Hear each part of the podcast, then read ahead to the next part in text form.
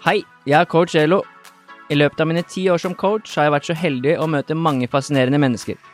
Dette er mennesker som er målretta, og som har en spesiell drive for å bli bedre. I denne podkasten har jeg fått sjansen til å sette meg ned med flere av disse, hvor de deler åpent og ærlig fra sin historie.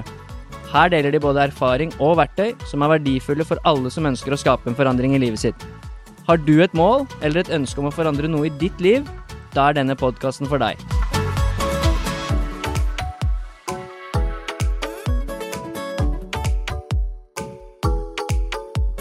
Hei og velkommen til en ny episode av Coach Elo med gjester. I dag har jeg med meg Josefine Intelhus, som er eh, tidligere håndballspiller. Hun har ganske nylig valgt å legge skoene på hylla. Og Josefine kjenner jeg ganske godt, føler jeg, fordi vi var sammen i Vipers og tilbrakte veldig mye tid sammen på grunn av en opptrening av en kneskade, som vi selvfølgelig skal prate om litt senere, da. Så det blir spennende å høre hennes historie. Hun har vært innom ganske mange klubber til tross for at hun er eh, ung, og spilt eh, ganske mange kamper i Eliteserien og for det norske ungdomslandslaget.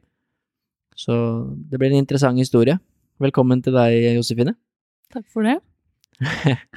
Du har grua deg litt til å spille inn podkast? Ja Det er ikke så rart, det er det? da? Jeg vet ikke. Skal jo fortelle om egen historie. Jeg syns det er litt skummelt, jeg. Du er ikke alene om det. De aller fleste som har vært med, syns det er litt skummelt. Mm. Men veldig fint at du gjør det, da. Og det vil nok være en fin ressurs for mange der ute. Mm. Eller det vet jeg. Så i dag så har vi jo tilbrakt mange timer sammen. Vi har Yes. trent, spist middag og gjort litt forskjellige ting. Og det har tatt litt lengre tid enn det som egentlig var planen. Men det er jo greit å, når du først gjør det, så få gjøre det ordentlig, da. Ja, ja. 100% Jeg har vært på CrossFit Asker og trent litt. Hvordan var det? Det var, eh, det var bra. Det var tungt. Det var Det er sånn jeg huska det. Ikke så gærent. Litt annen måte å trene på, kanskje, Ja. enn hva du er vant til de siste årene. Mm. Det er det. Men det er gøy, det òg. Nye måter å trene på. Liker det. Og så har du jo en eh, kropp som fortsatt fungerer ganske bra. Ja, til klarte tider i hvert fall. Ja. Du klarte jo alt vi skulle gjøre i dag, og vi gjorde mye forskjellig. Mm. Sant. Og så var jo du veldig opphengt i min hund, Nala. Elsker Nala. Ja.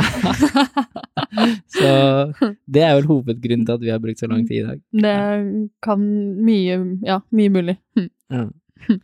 Og så var det litt biff og ris, og det var veldig bra. Og så hadde jo Sondre, min samboer, planlagt en sånn chilismaking. Ja, det, det hadde ikke jeg signa om for. Nei, Mm. ikke jeg heller, Nei. egentlig.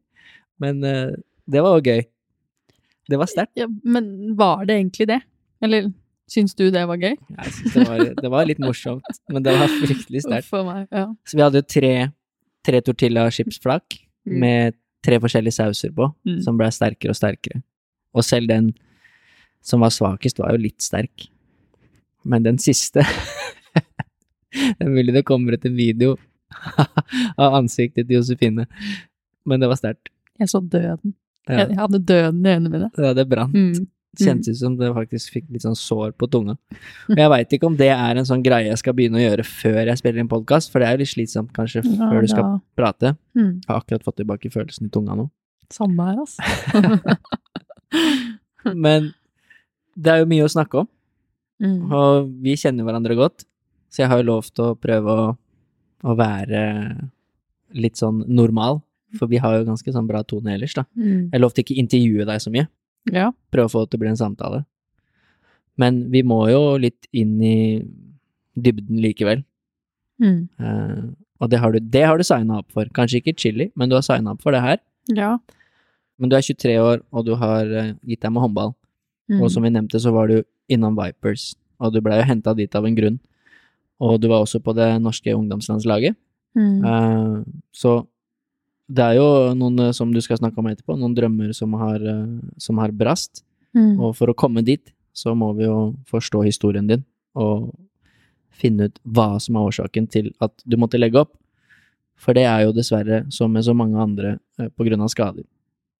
Og vi må egentlig bare høre litt fra din historie først, da. Mm. Før det blir litt mer alvorlig prat. så du får varme opp litt. Men hvor gammel var du når du begynte å spille håndball? Nei, jeg var da seks år.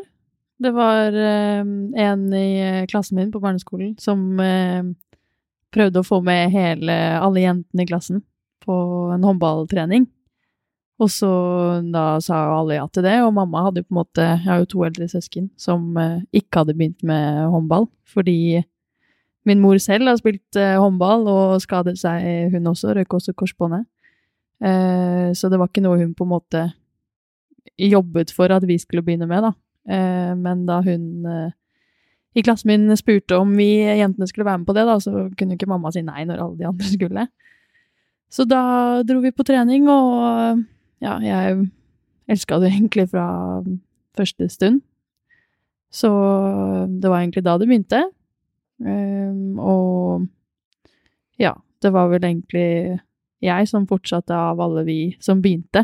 Uh, vi holdt egentlig på ganske lenge alle sammen, eh, men så ble det litt mer seriøst, og ja, flere fant kanskje, kanskje, andre interesser, mens jeg likte det veldig godt, da, og det var på en måte det var min hobby og mitt fristed.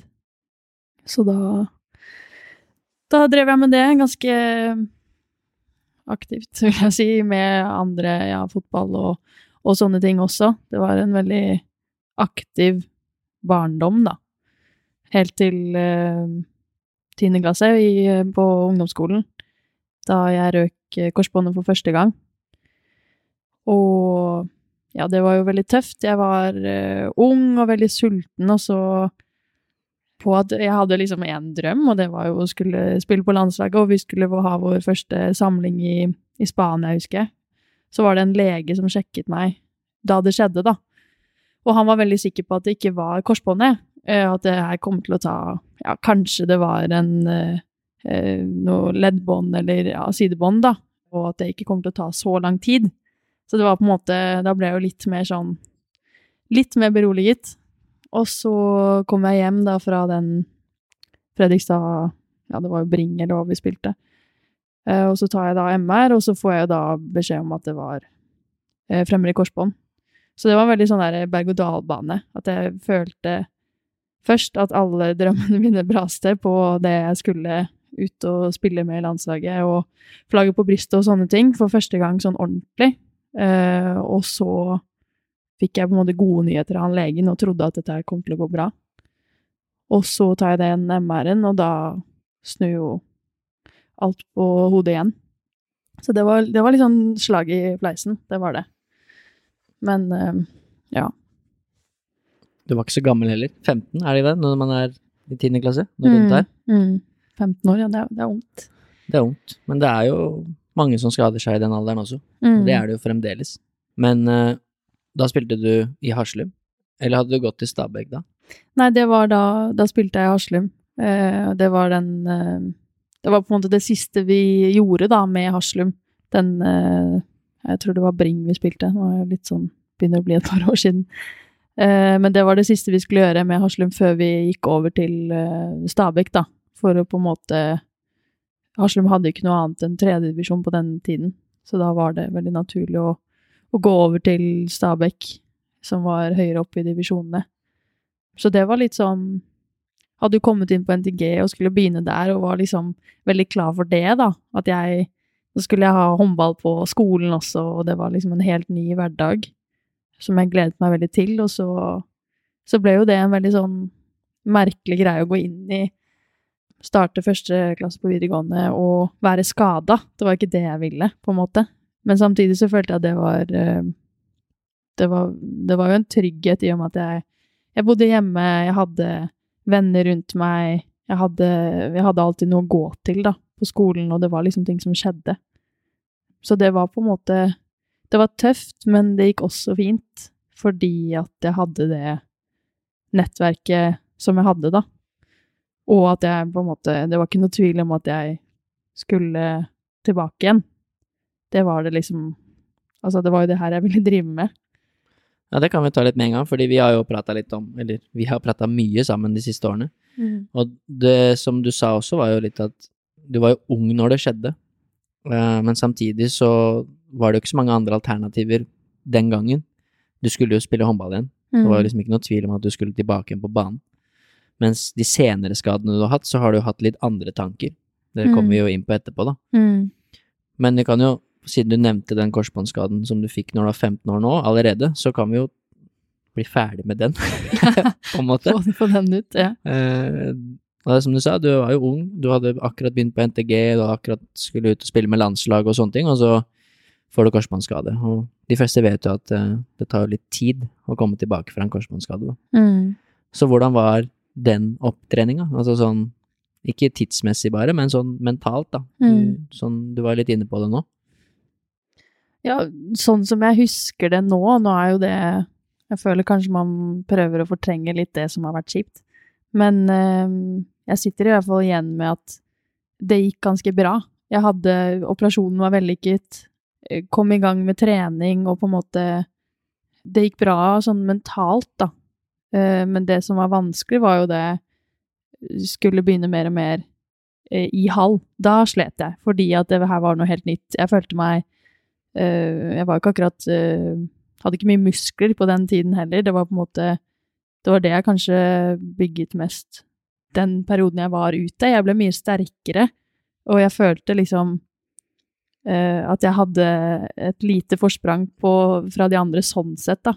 På grunn av at jeg hadde hatt mye tid til å trene i styrkerommet, og de hadde jo da uh, vært på håndballtrening.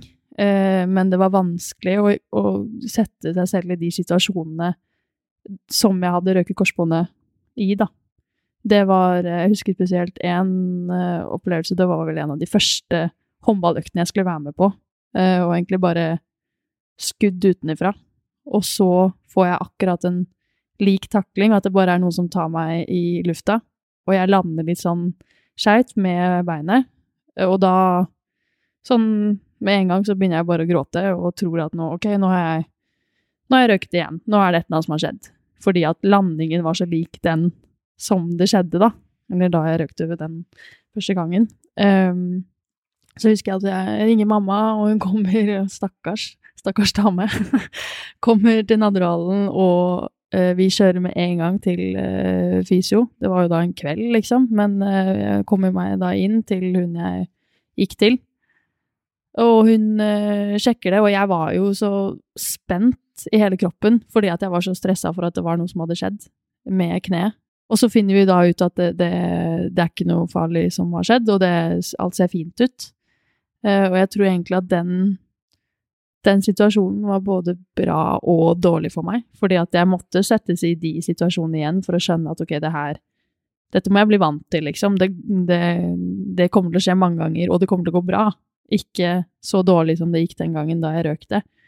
Eh, men igjen så ble jeg veldig sånn Jeg tror det satte en sånn spor i hodet mitt om at eh, ting kan skje, da. Selv om, på en måte. Og eh, det var nok det jeg sleit med den gangen da jeg skulle tilbake, med at jeg eh, Jeg stolte på kneet, men allikevel så var akkurat den situasjonen det er jo, altså Den måten jeg røk korsbåndet på, var jo en situasjon som jeg hele tiden egentlig er i. Oppe i lufta, skal lande, og så går det skeis. Og det er jo sikkert noe jeg gjør da si 50 ganger i løpet av en kamp, da. Eller mer, liksom. Sikkert Eh. enda, enda flere ganger på trening, vil jeg tro. Ja, ikke sant. Um, så det var nok uh, da jeg dro uh, på mesterskap den sommeren da jeg på en måte ble friskmeldt, da, eller klarert med kneet, så tror jeg nok ikke det var lurt for hodet mitt. Um, da hadde jeg jo ja, spilt kanskje to kamper, da, med Stabæk før jeg skulle dra med landslaget, og vi skulle spille mesterskap, og jeg hadde jo, ja, knapt nok trent eh, nok håndball til å føle at det var trygt, da. Så det husker jeg var veldig tøft.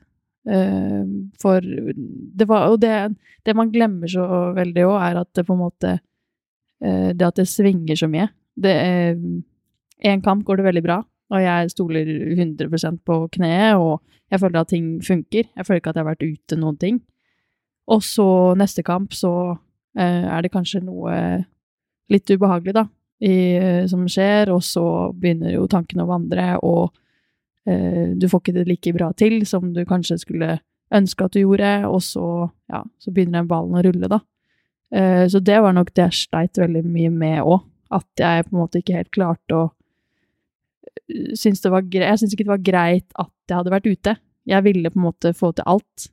Og så glemte jeg veldig sånn oppi det hele at men nå må du roe deg ned litt. Du har vært ute et år, og de andre er på en måte ett år foran deg nå. Og det må du ikke glemme. Men det, det gjør man jo. Man har bare lyst til å få til alt på en gang, og så få ut alt til en gang, kanskje. Og det, eh, det er litt vanskelig, da. Det går jo ikke. Nei, det er sikkert mange som kjenner seg igjen det, når man har vært uh, ute med skader lenge, og du Mm. begynner å nærme deg og skal spille kamp igjen. Mm. Så vil man jo være på det nivået man var på før man ble skada, eller kanskje til og med bedre. Ja. Men som regel så er jo realiteten at det tar litt tid, da. Mm. Uh, men jeg syns det er interessant det du sier med at uh, Fordi det hører jeg veldig ofte. og det hører jeg veldig ofte når spillere også prøver å argumentere for at de er klare til å spille. og det er at Men alt går jo bra, bortsett fra det. Mm. Eh, for eksempel eh, landing, da, etter en dytt i lufta. Eller mm. alt går bra, bortsett fra når jeg skyver ut i banen. Mm. Og så er det liksom det å forstå at men, men det må jo også gå bra for at du skal kunne spille. Mm. Eh, For håndball så kan du ikke utelukke liksom noen vitale deler av spillet ditt. Mm. Og det er veldig sånn vanlig, tror jeg. Det er mange som kan kjenne seg igjen i. Det er mange som skal tilbake fra skade, kanskje rekke en viktig kamp som jeg trener opp, da. Mm. Som er sånn ja, men alt går bra bortsett fra det. Så er det sånn, vi må vente til det også går bra. Før Ja. du kan spille. Ja, så føler jeg det ligger også litt sånn ubevisst, da. At jeg i hvert fall kanskje har eh, vegret meg i å gå utover banen på grunn av det kneet. Og det er kanskje ikke noe jeg liksom har tenkt sånn å nei, det må jeg ikke gjøre. Men hodet mitt bare sier at nei, du skal andre veien. Så går jeg andre veien. Fordi at jeg er redd for at noe, noe skal skje, da, innerst inne. Ikke at jeg har det sånn bevisst, men ubevisst, da. Eh, Så det, ja. Det er jo skummelt med det, men jeg, jeg tror det er mange som sliter med det. Mm. Ja, det er jo det paradoksale, at noen ryker jo med korsbånd og skader seg på en måte i situasjoner som man kanskje er sjeldent i, Mm. fordi man er uheldig, eller i helt sånne noen ganger uforklarlige situasjoner, hvor man Mm. er helt alene eller får en vridning eller noe sånt. Men veldig mange ryker det og skader det også i situasjoner, som du sier, som du er i veldig ofte, og som kanskje er en veldig viktig del av ditt spill, da. Og da kan jeg se for meg at det er vanskelig mentalt, som du sier, å komme tilbake igjen til det.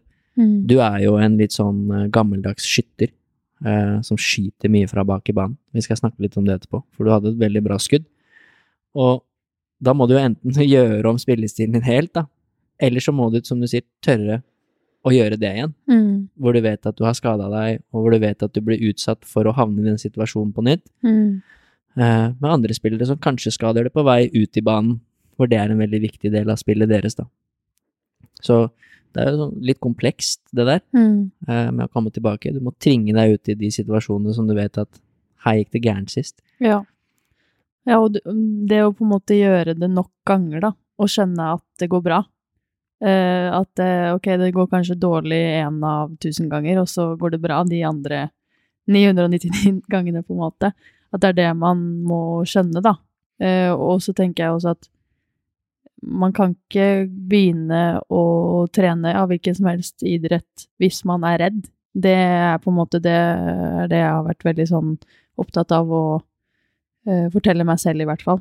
At eh, jeg kan ikke gå ut der og være redd for at det skal skje igjen. Eh, for da kommer jeg automatisk til, å trekke meg da, i situasjoner som gjør at det eventuelt kan bli enda farligere for meg, da, eller at jeg eventuelt kan skade meg igjen. Så ja, det har i hvert fall vært veldig viktig for meg. Ja, og så Nå har vi liksom, det var den første skaden din, da. Da var du Mhm. 15 år, du spilte i Haslum. Og så, som du sier, du begynte på NTG, og du gikk også til Stabæk etter hvert, som var et litt bedre lag. Eh, og hvordan er egentlig reisen videre der, hvis vi tar de årene i Stabæk? Fordi du skader jo kneet ditt igjen rett før du går til Vipers, vi kommer inn på det etterpå. Men du har jo trent opp igjen deg selv etter den første skaden, og så gått til Stabæk. Og da spiller du noen år før du skader deg igjen, da. Mm. Ja, det var jo da Jeg begynte jo med å spille kamper igjen den sommeren til andre klasse, da.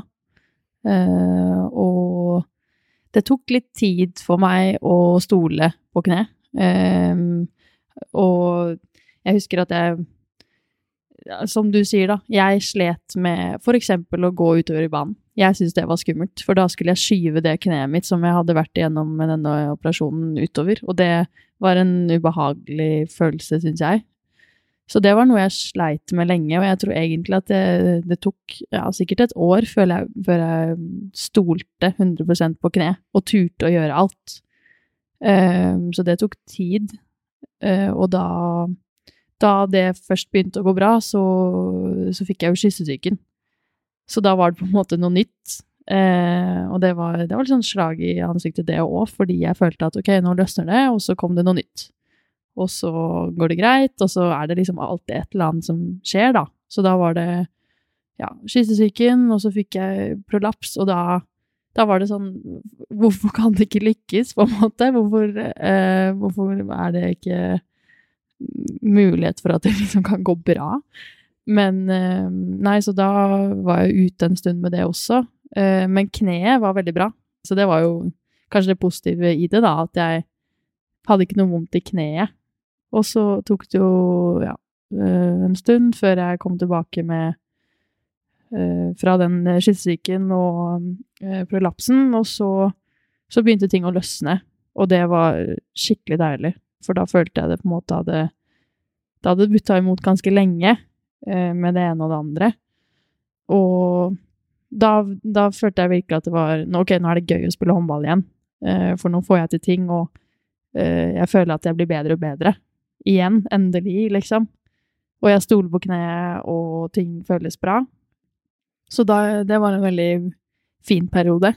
Jeg uh, trivdes med å spille håndball, og ja, ting løsna skikkelig, da. Vi fikk til Det var gøy å spille i Stabekk. Vi, det var en så fin gjeng. Det var liksom så mye bra, da, som skjedde. Uh, og så, selv om vi ikke vant alle kamper, og det var mye Det var jo ikke akkurat uh, ja, det, det, svingte jo for oss, men det var en så utrolig bra gjeng, uh, og en periode jeg satte skikkelig pris på, fordi det var så mange fine lagvenninner. Um, og så, ja, etter det så Da jeg var ferdig på videregående og sånn, så hadde jeg jo da ett år til i Stabekk, før jeg ble ringt opp av Kenneth en kveld. Um, ja, det var vel i november eller noe sånt noe. Og da trodde jeg først det var en tulletelefon. Det er Kenneth, Kenneth Gabrielsen vi snakker om, da. Han var ja. trener i Vipers. Mm. De som ikke skjønte det. Unnskyld. Det går bra. Ja, han ringte deg, ja. Ja, han ringte. Eller det var vel Det var egentlig Peder som ringte. Ja, nå er det enda Sorry. Peder Langfeldt, ja. ja. Som jobba i Vipers på mm. den tida. Mm. Vipers tok kontakt, i hvert fall. ja. Vipers tok kontakt. Uh, og det Jeg trodde ikke noe på det, jeg egentlig. Uh, jeg skjønte ikke helt eh, hvem, hvem, jeg snakket med, eller hva de, hva de, mente. Og så fikk jeg liksom summa meg litt, da, og da, da han sa at de ønsket å, å, hente meg, så var jeg sånn Ok, hva, hva skjer nå? Hvor, hvor er jeg? Hva, hvem her, liksom? og så um, bestemte jeg meg jo egentlig for det at ok, det her er neste steg for meg. Jeg føler ting har løsna. Det er det her vi driver med, og ok, det er det det, det riktige å gjøre nå, da. Så, og det, det hjalp meg jo også egentlig veldig på selvtilliten. Jeg følte at jeg Ok, nå Vipers er det neste, på en måte. Jeg, jeg får til ting. Jeg, jeg er god, liksom. um, og det, det gikk egentlig veldig greit den, eh, den våren helt til eh, det ikke gikk så veldig bra lenger. Da vi hadde ja, oppkjøring til mesterskap. Det var det siste mesterskapet vi skulle spille med, med ja, 98-landslag, da. 98-99. Og så um, spiller vi en uh, treningskamp på Hamar mot uh, Sverige. Og ja, jeg, jeg, vet ikke om jeg kan si at jeg følte meg litt sliten. Det har jeg kanskje gjort alle de gangene jeg røyker korsbåndet. Men eh, jeg satser i hvert fall innover i banen og skyter et uh, hoppskudd, og så Ingen er i, nær, i, nærheten av meg. Jeg bare lander feil på, med beinet. Og så får jeg en sånn ja, ekstrem smerte. Jeg, jeg skjønte med en gang hva det var, fordi at jeg hadde røkt det andre kneet før. Eh, det var liksom Men bare at det føltes ti ganger verre. Jeg, jeg hylte av smerte. Så jeg husker at jeg jeg, besv jeg besvimer jo for at jeg er helt ute av meg, og så er det en eh, på ja, en av disse svenskene som kommer bort til meg, og så sitter hun og liksom stryker på meg, og så tar jeg hånden hennes, og det er bare sånn Ikke gå fra meg, liksom. Du må bli her. Jeg, jeg hylte til henne at du kan ikke gå, liksom. Og hun på svensk ja, ja, ja jeg blir, jeg blir, jeg, jeg skal ikke gå fra deg. Og da tror jeg bare hele rullegardinen falt ned, egentlig. Eh, eller gikk ned. Eh, det var skikkelig tøft, fordi at jeg hadde liksom nå hadde ting løsna ordentlig. Jeg skulle til en ny klubb. Jeg skulle virkelig satse håndball. Det var siste mesterskapet med, eh, med landslaget, og ja, veldig mye jeg hadde sett fram til, da. Og så plutselig så blir alt det snudd på hodet. Eh, og jeg vet egentlig ikke helt hva. Jeg følte meg bare sånn tom, sikkert i to-tre uker. Det var liksom det var, det var i hvert fall det jeg ga meg til at jeg Ok, jeg får jeg får disse ukene på å synes synd på meg selv, og ja, faktisk synes at ting er skikkelig dritt. Og så må jeg begynne å se framover igjen. Så det var, eh, det var en tøff sommer. Jeg så ikke mange av de kampene som eh, landslaget spilte. Eh, fordi at jeg rett og slett ikke klarte det. Jeg vet ikke om det var fordi at jeg var redd for at noen skulle skade seg, eller om jeg bare syntes det var skikkelig dritt å ikke være deg selv. Men det var, eh, det var tøft, i hvert fall. Mm. Ja, det skjønner jeg godt, og som du sa, så hadde du jo signert for Vipers. Og det er jo ikke sånn hvilken som helst klubb du har signert for heller. Mm. Men Du sier at du skal ta steget videre, men Vipers var jo da Norges beste lag. De hadde vunnet serien og NM og alt, egentlig, mm. og var klare for å spille Champions League. Så det var jo et veldig stort steg. Så jeg kan jo se for meg at det var en drøm å skulle gå dit. Det var vel det for de fleste norske spillere, i hvert mm. fall i din situasjon. Men jeg syns det er interessant det du sier, vi skal ikke prate så mye om det, fordi da blir vi aldri ferdig, og det er helt Det er jo det frustrerende med korsbånd, at det er veldig vanskelig å finne en grunn mm. til hvorfor det ryker. For det kan være alt fra ja, det er situasjonen, det er hvordan du lander, det er liksom at du var sliten, det kan være syk, menssyklusen din, det kan være gener, du har andre i mm. familien som har skada kneet, osv., osv. Men du røk jo begge dine på landslagssamling på sommeren, eh, og det er ikke noe tvil om at det er en veldig tøff eh, periode, de årene der, da, hvis du er så god som det du var, og må spille landslag i tillegg, da. For da har du jo håndball hele tiden. Eh, og da får du disse mesterskapene på sommeren, og hvis du er skikkelig god også etter hvert, sånn som for eksempel Henny, som du spilte med, så får du mesterskap med A-laget også, mm. i desember. Mm. Og da har du plutselig nesten som en sånt OL-år, da. Da har du mesterskap på kamper og serie hele tiden uten ja. å ha pause. Uh, så, så, det er jo ikke noe Det er flere spillere, da, som har røket eh, korsbånd og skada seg i den perioden, mm. uh, som du gjorde også. Uten at vi skal gå noe inn på det, for jeg veit ikke om vi blir noe klokere av det. Men det er jo en sånn, Men det er en sånn grei ja, å legge merke til, da. Sånn, det jobber man jo kanskje med hele tiden, å prøve å finne ut av hvordan man kan minske risken for at uh, spillere skader seg. Mm. Uh, men jeg skjønner jo at det var kjipt og vanskelig. Andre gang, det andre kneet, mm. hadde da egentlig sett fram til et mesterskap, det siste mesterskapet, med norske landslaget i 98, og skulle egentlig da til Vipers, eller du dro jo dit for det, eh, og skulle starte liksom det neste steget i karrieren, så hva skjer etter det, da? Du hadde tre uker til å synes synd på deg sjøl. Mm. Så flytta du til Kristiansand.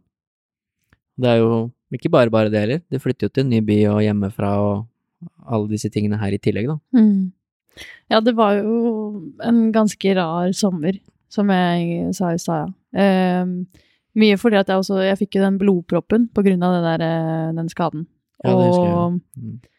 eh, det var jo også sånn Hvordan har det skjedd, på en måte? Eh, jeg hadde aldri hørt om det før, eh, og det virket ikke som at eh, fysioene heller tenkte at det kunne være det, men ok, gå og sjekk det, og så får vi i hvert fall utelukket at det er det, da.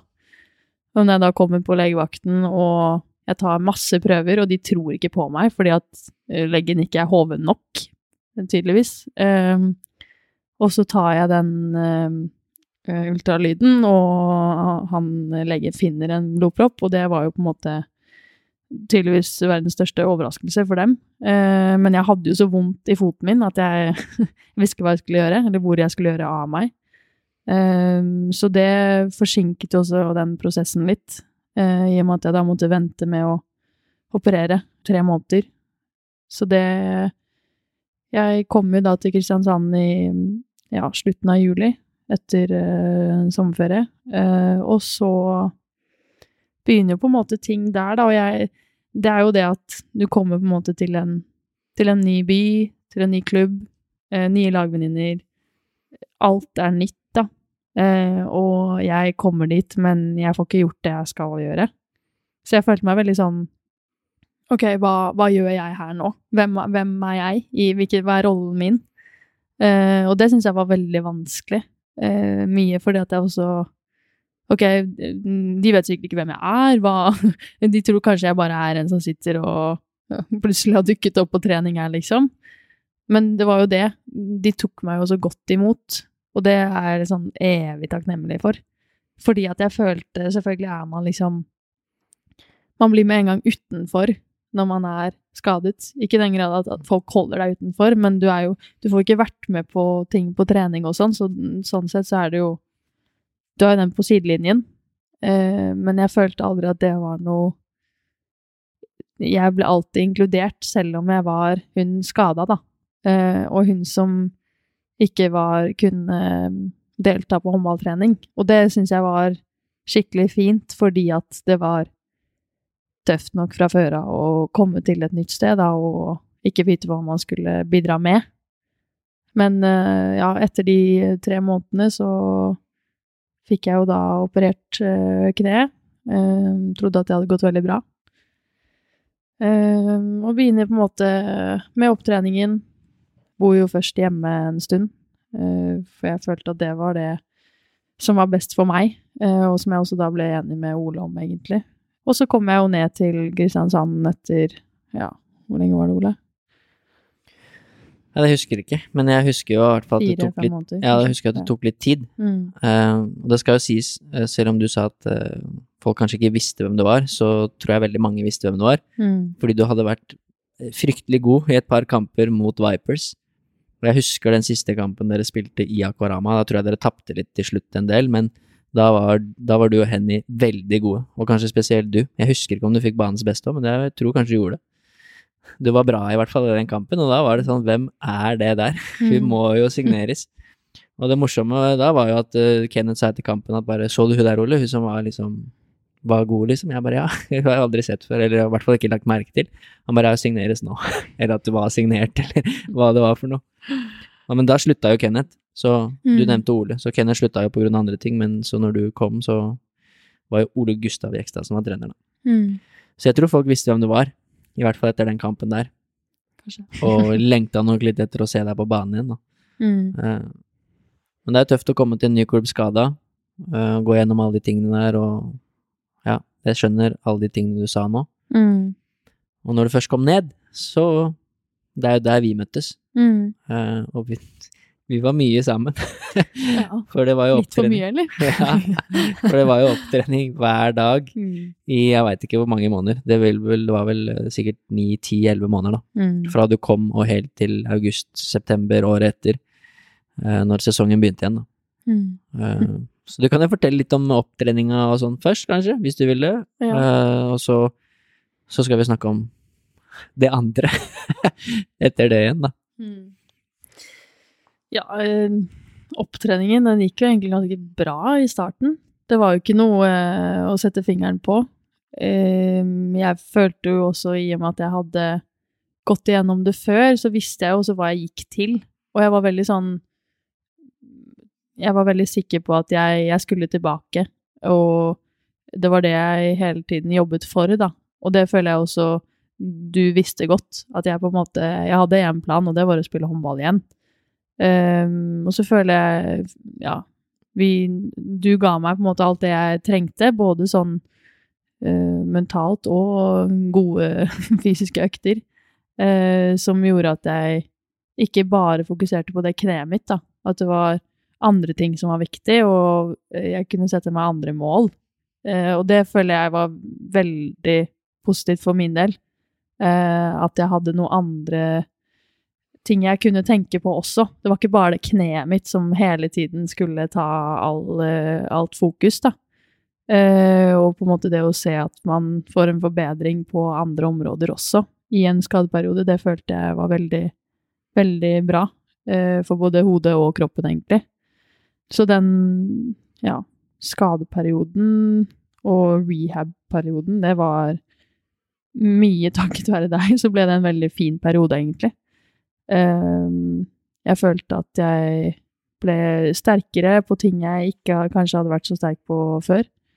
Og også egentlig mentalt, at det var mye jeg lærte om meg selv da, på den tiden. Så det, det var veldig bra veldig lenge. Eh, helt til det ikke var bra lenger. Der òg. ja, det er jo først og fremst hyggelig da, å høre. Mm. Eh, men det er jo litt som vi snakka om i stad, og som jeg har snakket om mange ganger. Mm. Det er jo at når du er fysisk trener, så er det jo eh, I hvert fall i sånne situasjoner, da, så er man jo veldig tett på spilleren. I hvert fall i min rolle, sånn som det var i Vipers, og da, da tilbringer du fysisk mye tid sammen. Mm. Eh, og da er det veldig viktig å forstå hva spilleren på en måte går igjennom, mm. eh, og bruke litt tid på det. For det fysiske er jo ikke vanskelig sånn sett. Det går som regel greit og gjøre liksom styrkeøvelser og ta det steg for steg og begynne å løpe, begynne å hoppe og sånn. Og det paradoksale og det litt sånn rare med det er jo at for meg, det at dere, sier dere da, som skader dere, går gjennom sånne ting, gjør jo meg til en bedre trener eller coach, fordi at jeg blir jo satt i en situasjon hvor jeg må bli utfordra på mye, da. Mm. Så jeg blir jo en bedre trener, selv om det er i utgangspunktet jævlig kjipt for deg, da. Mm. Uh, og jeg hadde jo akkurat da gått gjennom en opptrening med Martha før du kom, mm. så jeg hadde måtte, akkurat stått litt i det. Og det følte vi funka ganske bra, og da, da, er det på en måte Ok, da, da trodde vi i hvert fall på at man kunne hjelpe deg, da, mm. på at mm. ting kunne bli bra. Og som du sa, det var det jo lenge. Mm. Eh, og vi satte noen morsomme mål, og jeg, jeg, tror jeg har ganske mange videoer av deg på telefon. det tror jeg òg. tror ikke det er andre mennesker i verden som har flere videoer enn deg på telefon. Og vi jobba jo med en del detaljer som skal, jeg skal ta opp igjen etterpå, mm. som jeg syns er veldig gøy, da. Jaså, så er spent. Små ting da, som jeg som er litt nerd med fotplassering og sånne mm. ting i sats og sånn, eh, som, som, var gøy, egentlig. Mm. Og så, så, var det veldig mye som var bra, sånn fra mitt ståsted sånn fysisk. Eh, og så var det en del ting også som ikke stemte helt. Etter hvert, når det virkelig begynte å nærme seg, når du egentlig begynte å bli kampklar igjen etter et år, så var det litt sånn Det er bra, men det er ikke bra. Det er noe som ikke stemmer. Mm. Altså disse smertene og disse tingene som er ubehagelige for deg, skal ikke være det. Mm. Og du spilte jo noen kamper også, for Vipers, eh, før man på en måte gikk litt videre med det, da. Mm. Du kan jo fortelle bedre at kanskje du forteller med dine ord. Ja, for det Det som skjedde, var jo at ja, opptreningen gikk veldig bra eh, fram til januar, husker jeg. Um, og så begynte jeg å kjenne noen låsninger i kneet. Og da snakket jeg jo med Håvard Moxnes om at ok, jeg tar en MR, og så ser jeg på kontrollen hos kirurgen hvordan det, hvordan det ser ut. Um, og da finner vi vel egentlig ut av at ok, jeg har en rift i menisken, men han var usikker på hva han ville gjøre med det, om det var noe vi skulle gå inn og fikse med en gang, eller om vi skulle gi det litt tid. Um, så han fikk da en annen kirurg til å komme inn, og så sto de der og diskuterte litt, og det ble jo da til at, uh, at vi lot det være, fordi at jeg var såpass ung, og jeg hadde vært igjennom så mange operasjoner fra før at det på en måte nå holdt det litt. Så da ble vi, ja, de ble enige om det, og jeg tenkte jo at det var det som var det beste. Og da fortsatte den opptreningen, og det gikk jo da da gikk det bra igjen, på en måte. Jeg hadde ikke noe ekle sånne opplevelser med noe låsing eller noen ting. Uh, og så begynte vi å spisse det mer inn på uh, at jeg skulle ja, være med mer i hall, da, og uh, med kontakt og alt sånt. Og da begynte de smertene å komme veldig, husker jeg. Eh, det var spesielt én trening jeg husker at jeg, jeg klarte ikke å hoppe, men jeg turte ikke å si det til eh, Ole Gustav. Så heldigvis var det en fysio på, på trening, og jeg sa det da til ja, Erik eh, at ok, nå er det noe som føles litt ubehagelig her. Det her stemmer ikke. Og det var vel egentlig da vi fant ut at eh, ja, kanskje jeg må inn i kneet og sjekke, da. Så da, ja, som du sa, jeg spilte vel tre, tre kamper eh, med Vipers før eh, jeg igjen måtte inn i det kneet og sy menisken. Det var veldig tøft, husker jeg. Eh, Jeg fikk jo da operasjon med en gang, det tok vel ja, knapt en uke. Og det der å eh, omstille seg da på at ok, nå Jeg skal ikke spille håndball dette halvåret her heller, men jeg skal da i stedet gå på krykker i seks til åtte uker og leve det livet igjen som jeg på en måte akkurat var ferdig med. Og det var eh, Det var veldig tøft. Eh, I hvert fall fordi at jeg var så sulten på å spille. Det var, det var så lenge siden jeg hadde gjort det, så jeg ville jo All den treningen jeg på en måte hadde hatt, da, og ting føltes jo så bra. Eh, så det føltes ekstremt urettferdig, husker jeg. Og var veldig sånn tom, egentlig. Ja. Så det Og det er liksom så Det er så komplekst òg, fordi at man tenker at Nesten som om vi er utstyrt som ja, roboter. At det på en måte er opptreningen, og så er du tilbake igjen. Men det er så mye annet òg, da, eh, som spiller inn. Med eh, psykisk og ja, hva som foregår i livet sånn generelt, liksom. Og eh, Nav er jo et problem. Altså, det er så mange variabler, da, som spiller inn. Eh, og det fikk jeg virkelig kjent på den, eh, eh, etter den operasjonen. Eh, så det var, det var tøft. Mm. Ja, det husker jeg godt. Da hadde vi jo tilbrakt tid sammen nesten hver dag i ja, åtte, ni, ti måneder eller noe sånt. Mm. Eh, og det er jo kjipt også, for man legger mye i det. Jeg legger jo mye stolthet i min jobb også, selvfølgelig, og det Mm. eneste jeg vil, er jo at den spilleren man jobber med, eller de man jobber med, skal lykkes i det man driver med. Og da er det jo kjedelig når sånne ting skjer. Og det er, kan godt hende det er en eller annen forklaring på det, men dessverre så ser man jo ganske ofte at, at sånne ting, om det blir oversett eller blir valgt å ikke gjøre noe med, så Mm. ser man i hvert fall veldig ofte at akkurat det der skjer. Uh, nå har jeg trent opp en Mia Svele, som bank i bordet, er spilleklar igjen, da. Skal vel begynne å spille kamper igjen snart nå, Mm. etter et veldig, veldig lang, en veldig lang opptrening. Det har vel gått, eh, ja, gått over et år i hvert fall. Og der skjedde jo det samme, at hun opererer korsbånd. Det går veldig bra. Og så merker man eh, at eh, samme type fase som deg, at ok, det er noe som ikke stemmer likevel, når man begynner å hoppe og gjøre litt andre ting. Sjekke kneet igjen og få beskjed om at eh, du må sy menisken, da. Mm. Og da fikk vel egentlig kort fortalt forklart at eh, det hadde de oversett, da. På grunn, av, Mm. på grunn av et eller annet, da. Om det er hevelse eller hva det er for noe. Hadde de i hvert fall ikke fått det med seg. Men til forandring fra deg, så gikk jo Mia inn og fiksa det med en gang.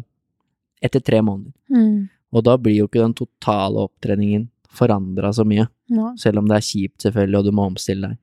Så er du tilbake totalt sett kanskje på et år, da. Mm. Uh, og jeg veit at Silje Våde har gjort akkurat det samme nå.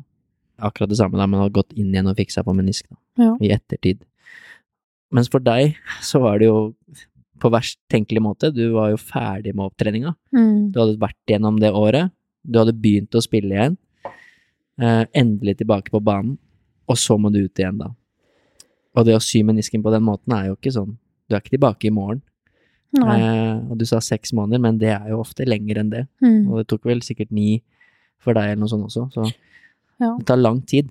Mm. Uh, så vi skal jo snakke litt nå om den opptreningen også, fordi da er det jo litt andre ting som, som skjer uh, liksom for deg. Du begynte jo Mm. blant annet å bruke mentaltrener, Mm.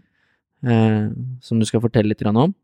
Og så er det som du sier, andre ting i livet kan jo fremdeles skje, selv om Mm. du går gjennom en skade. Uh, og det gjør det jo litt for deg. Mm. Og det husker jeg veldig godt, at det var noen, det var noen uker og måneder som var tøffe der. Ja. Det var noen tårer på, på fysiske økter også. Et par. det var noen av de, Mm. og det skjønner jeg veldig godt. Mm. Ja, jeg mm, Jeg kom jo da til eh, Dro hjem til Oslo igjen og mm, sydde den menisken. Og da husker jeg egentlig bare at jeg var så irritert på han kirurgen. For at jeg følte at det var hans feil. Jeg måtte ha noen å legge skylden på. Um, og ja, det var kanskje ikke helt uh, heldig, men um, jeg var i hvert fall glad for at han hadde fikset det, da. Uh, og prøvde å på en måte se på det positivt på den måten. Men da var det på en måte Ok, da var det samme, samme rulla igjen. Jeg skulle hjem, legge meg på sofaen, ikke kunne gjøre noen ting. Være låst i mine egne tanker. Alene hjemme. Altså, det var bare Det var så kjipt da å vite allerede før jeg hadde kommet hjem at nå kommer ting til å suge i ganske lang tid. Ja, det husker jeg var tøft. Det husker jeg godt. Jeg husker jeg var hjemme hos deg eh, med noen bøker og, og Husker du det? husker det, ja. Leste du Kom med av den der dem, maskinen. Ja, ja. Det gjør det? Ja. ja, for det, det er jo det at du, du går igjen Du veit hva du skal gjennom, da. Mm. Eh, og det er jo sikkert litt På en måte er det kanskje noe trøst i det at du veit hva som skal til, samtidig så er det jo jævlig kjipt Mm. å vite at nå blir det kjipt igjen, da. Ja. Så er det litt, ja, og så er det det der at man klarer på en måte ikke å forberede seg på at ting kommer til å være jævlig dritt. Nei. Men du vet at det kommer til å være det. Eh, og det var det jeg liksom Ok, nå må jeg forberede hodet mitt på at ok, nå kommer ting til å være skikkelig kjipt. I hvert fall liksom seks måneder Nei, seks uker. Eh, når jeg går på de krykkene og ikke får gjort noen ting. Kommer til å føle meg så Ja, jeg trenger hjelp til alt, liksom. Og det er så slitsom følelse også. Og jeg må forberede meg på at ok, jeg skal ligge her på sofaen, og jeg kommer bare til å være låst med mine egne tanker. Jeg hadde så mye på, på hodet, da. Det, ja, som jeg sa i stad, det, det er så komplekst. Jeg hadde var liksom Det var for mye. At jeg ikke visste hvor jeg skulle begynne med å på en måte sortere tankene mine en gang. Eh, og det er jo ikke så veldig sunt heller. Det går ut over andre ting. Eh, så da da sleit jeg lenge med å få i meg mat, fordi at kroppen bare var helt spent hele tiden. Eh, og jeg sleit også med å sove fordi at jeg hadde så mye å tenke på. Eh, så det var veldig Det var tøffe uker. Og jeg visste, ja, det var det, jeg visste ikke helt hvor jeg skulle begynne, da. Men så var jeg på en eh, Jeg var faktisk i Drammenshallen og så en kamp. Eh, Thomas, kompisen min, spilte. Eh, og så møtte jeg på moren til en kompis av meg som, som sa at ok, Josune, du skal komme til oss, og du skal spise middag hos oss, for jeg, nå, nå ser jeg at vi har litt å prate om, på en måte. Så da kom jeg dit. Eh, Syns så synd på meg selv. Gråter hele tiden. Hva hva er det jeg er laget av, tenkte jeg, liksom. Uh, og hun, mens hun står og kokulerer på kjøkkenet, så ber hun meg om å bare Hun gir meg noen lapper og en uh, tusj, og så skal jeg bare skrive alle tankene jeg har uh, i hodet. Og da jeg tror, ja, Hun sto kanskje der og holdt på med den middagen i 40 minutter, da. Og da hadde jeg skrevet 40 lapper på de 40 minuttene hun hadde holdt på. Og det var eh, Da var det ulike ting på alle de lappene. Det var liksom ikke det samme engang. Det var, det var så mye eh, som jeg ikke visste hvor jeg skulle begynne med Og Ja, jeg måtte, jeg måtte få det ut på ark da, for å se at ok, jeg må sortere de. Så jeg satt og skrev alle de lappene eh, med ord oppi hodet mitt. Eh, og etterpå så satt vi der og prøvde å samle de ulike tingene, og hvor jeg på en måte skulle begynne, da. Så det, det hjalp veldig mye. Men det var rart, fordi at jeg har alltid tenkt at ja, men jeg skal klare ting selv. Og det å på en måte gi hele ansvaret til en annen person, det var veldig Jeg tror det var veldig befriende for meg òg, for da måtte jeg faktisk slippe taket litt. Eh, men jeg har alltid vært så redd for å på en måte ta mine byrder over på andre, da. Det, det digger jeg ikke helt. Nei, det er ikke så mange som digger det, tror jeg. Nei, det tror jeg heller. Så må, du må ikke få meg til å begynne å grine nå. Da får vi ikke spilt, uh, spilt inn noe mer. Hold opp, da.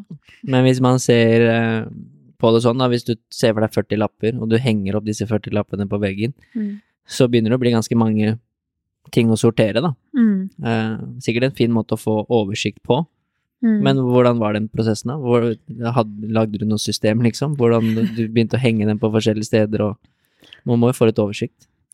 Ja, vi satt jo der med disse 40 Post-It-lappene, da, og så ser man For jeg hadde jo bare skrevet alt Det var jo kruseduller i hodet mitt, liksom. Um, så prøver vi å legge de i noe systematisk rekkefølge, eh, og samle de tingene som på en måte omhandlet det samme.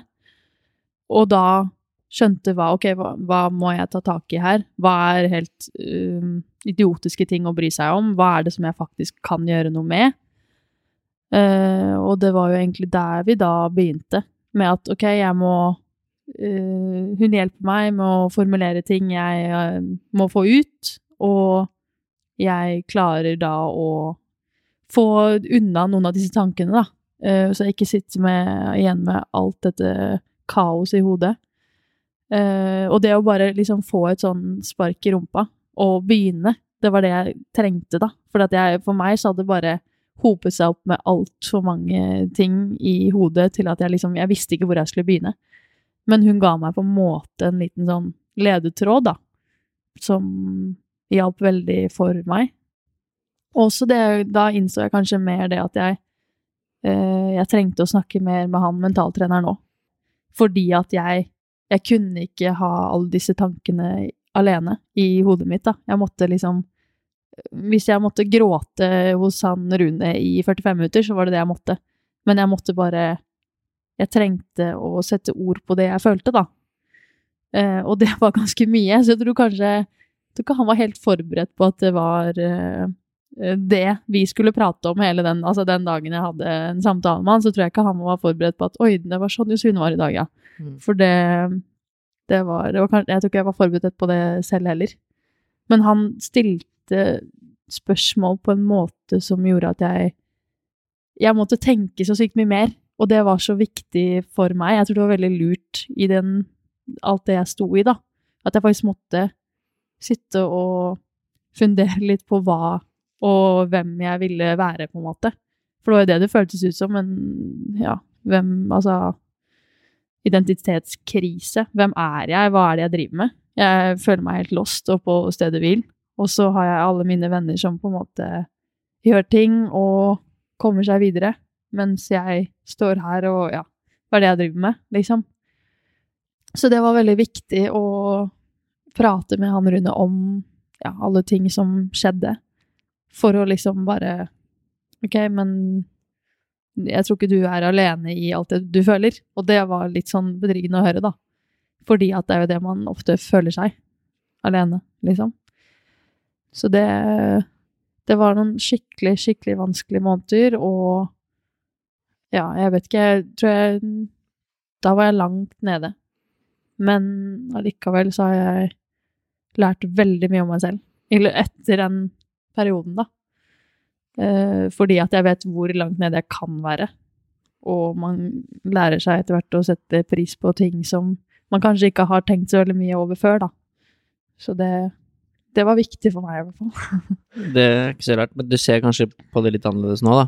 Mm, Når du ser tilbake på det. mm, At det er jo selvfølgelig kjipt, spesielt når du er i situasjonen. mm. Men det er jo likevel veldig mye læring i det, da. ja, Som du, som du kanskje ser nå. Mm. Du klarer jo ikke å se det der og da.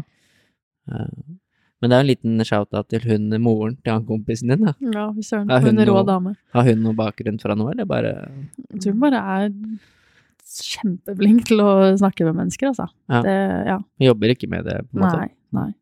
Man skulle trodd. Ja, det var en smart, enkel oppgave, men smart, da. Spesielt når det er så mye kaos oppi hodet ditt. Mm. Så må du på en måte Du må jo få litt oversikt. Mm. Begynne et sted. Og så brukte du Rune mye, da. Mm. Det er jo kjempebra. Han, han har jo vært involvert i Vipers både litt her og der, Mm. som mentaltrener og motivator, eller hva du enn skal kalle det.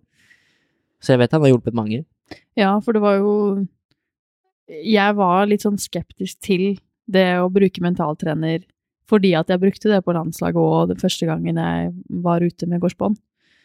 Men da Det handler så mye om den kjemien man får, da.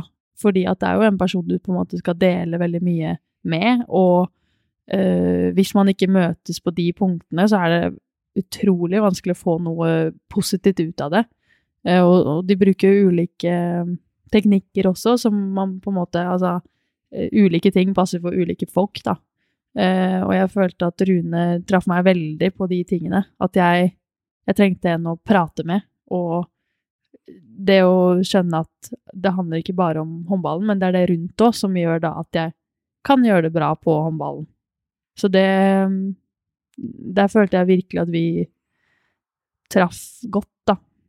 Mm, at han ble liksom en god samtalepartner. Det var ikke bare en som skulle ga, gi meg masse eh, teknikker på hvordan jeg skulle komme meg tilbake på banen. Det handlet om utrolig mye mer enn det. Eh, som var veldig viktig for meg, da. Ja. Det tror jeg er viktig for de aller fleste i en sånn situasjon. Mm. Men det er nok mange som syns det er ubehagelig å gjøre det, selvfølgelig, for det er jo skummelt å skulle åpne seg opp. Eh, som du sier, dette handler jo ikke bare om håndball, men andre personlige ting også, som Mm. man går igjennom, og eh, da må du føle at det klaffer litt, kanskje, at du får tillit til den personen, da. Ja. Og muligheten til å, å faktisk åpne deg opp. Mm.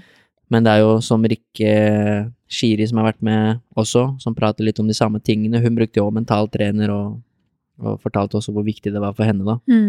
Eh, og man kan jo bruke det til forskjellige ting, som du sier. Det må ikke være sånn at du skal få masse tips og oppgaver. Noen ganger kan det være bare en som lytter, da, Mm. til det du har å si. Men hvordan er da veien videre? Nå har du jo da fått eh, sortert litt ting med disse lappene dine, kommet litt i gang, begynt å gå litt oftere til Rune Mm. uh, for å få satt ting litt uh, i system. Så er jo da i gang med opptrening igjen, da. Mm. For du er fortsatt ikke ferdig med å trene opp denne meniskskaden, da. Eller meniskoperasjonen. Mm. Så da er vi tilbake og bruker mye tid sammen igjen. Yes. Ja. Nye mål og ny opptrening og Mm. Men likevel eh, lys i tunnelen, da. Jeg følte at du Du kom jo tilbake med motivasjon Mm. til å komme tilbake igjen. Mm. Selv om det var veldig, veldig vanskelig de første månedene, det husker jeg godt. Eh, når du hadde vært igjennom det, så var det på en måte ok, nå er jeg klar igjen Mm. for å komme tilbake på håndballbanen. Ja. Ja, og mm, jeg følte vel egentlig ganske sånn at nå eh, Jeg trengte noe nytt. Eh, Jeg måtte eh, komme meg til et sted der vi hadde venner fra barneskolen, liksom, som jeg kunne ha rundt meg, som ikke bare drev med håndball. Så jeg bestemte meg da for å flytte til Bergen. Det føltes veldig riktig for meg der og da, da. At det var det jeg trengte. Jeg trengte eh, nye utfordringer, og det hadde jo ikke akkurat gått på skinner for meg i Kristiansand, eh, og det var vanskelig. Eh, så jeg signerte da med Tertnes, og eh, så skjedde jo da at eh, korona kom jo. Så det ble jo en veldig sånn annerledes opptrening, da.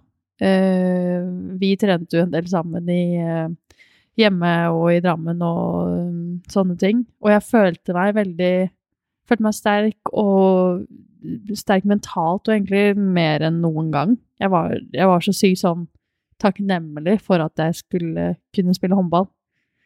Så de månedene jeg, ekstra jeg på en måte fikk da, på grunn av korona, de var jeg veldig takknemlig for. Fordi at jeg følte meg eh, Jeg fikk mer tid på å bli enda mer trygg på kneet. Og jeg følte meg sterk både fysisk og mentalt. Så ja, jeg flyttet jo da til, eh, til Bergen etter eh, ja, i sommerferien, da. 2020. Og tenkte at ok, nå, nå er det min tur, liksom. Nå, nå skal jeg få det til. Og jeg var så sulten på å spille håndball igjen, og jeg, jeg, det jeg følte at jeg hadde lært veldig av de andre gangene, da, var at ok, men det her, nå, dette kan ta tid før jeg føler at alt er 100, liksom, så gi deg, gi deg litt tid på å ikke bli sinna på deg selv for at alt ikke sitter med en gang. Og jeg var bare det der å kunne spille igjen. Jeg satte så pris på det at jeg var Det bare Det føltes så sykt bra. Um, og så kom jeg jo i gang og var veldig trygg på begge knærne. Turte å gå i satsinger og dueller, og så var det jo selvfølgelig at det hendte noen ganger og ja, Oi, jeg fikk et dytt her, og det var skummelt. Men jeg følte at det var også noe jeg trengte for å skjønne at ok, men det går bra. Selv om det skjer, så går det bra.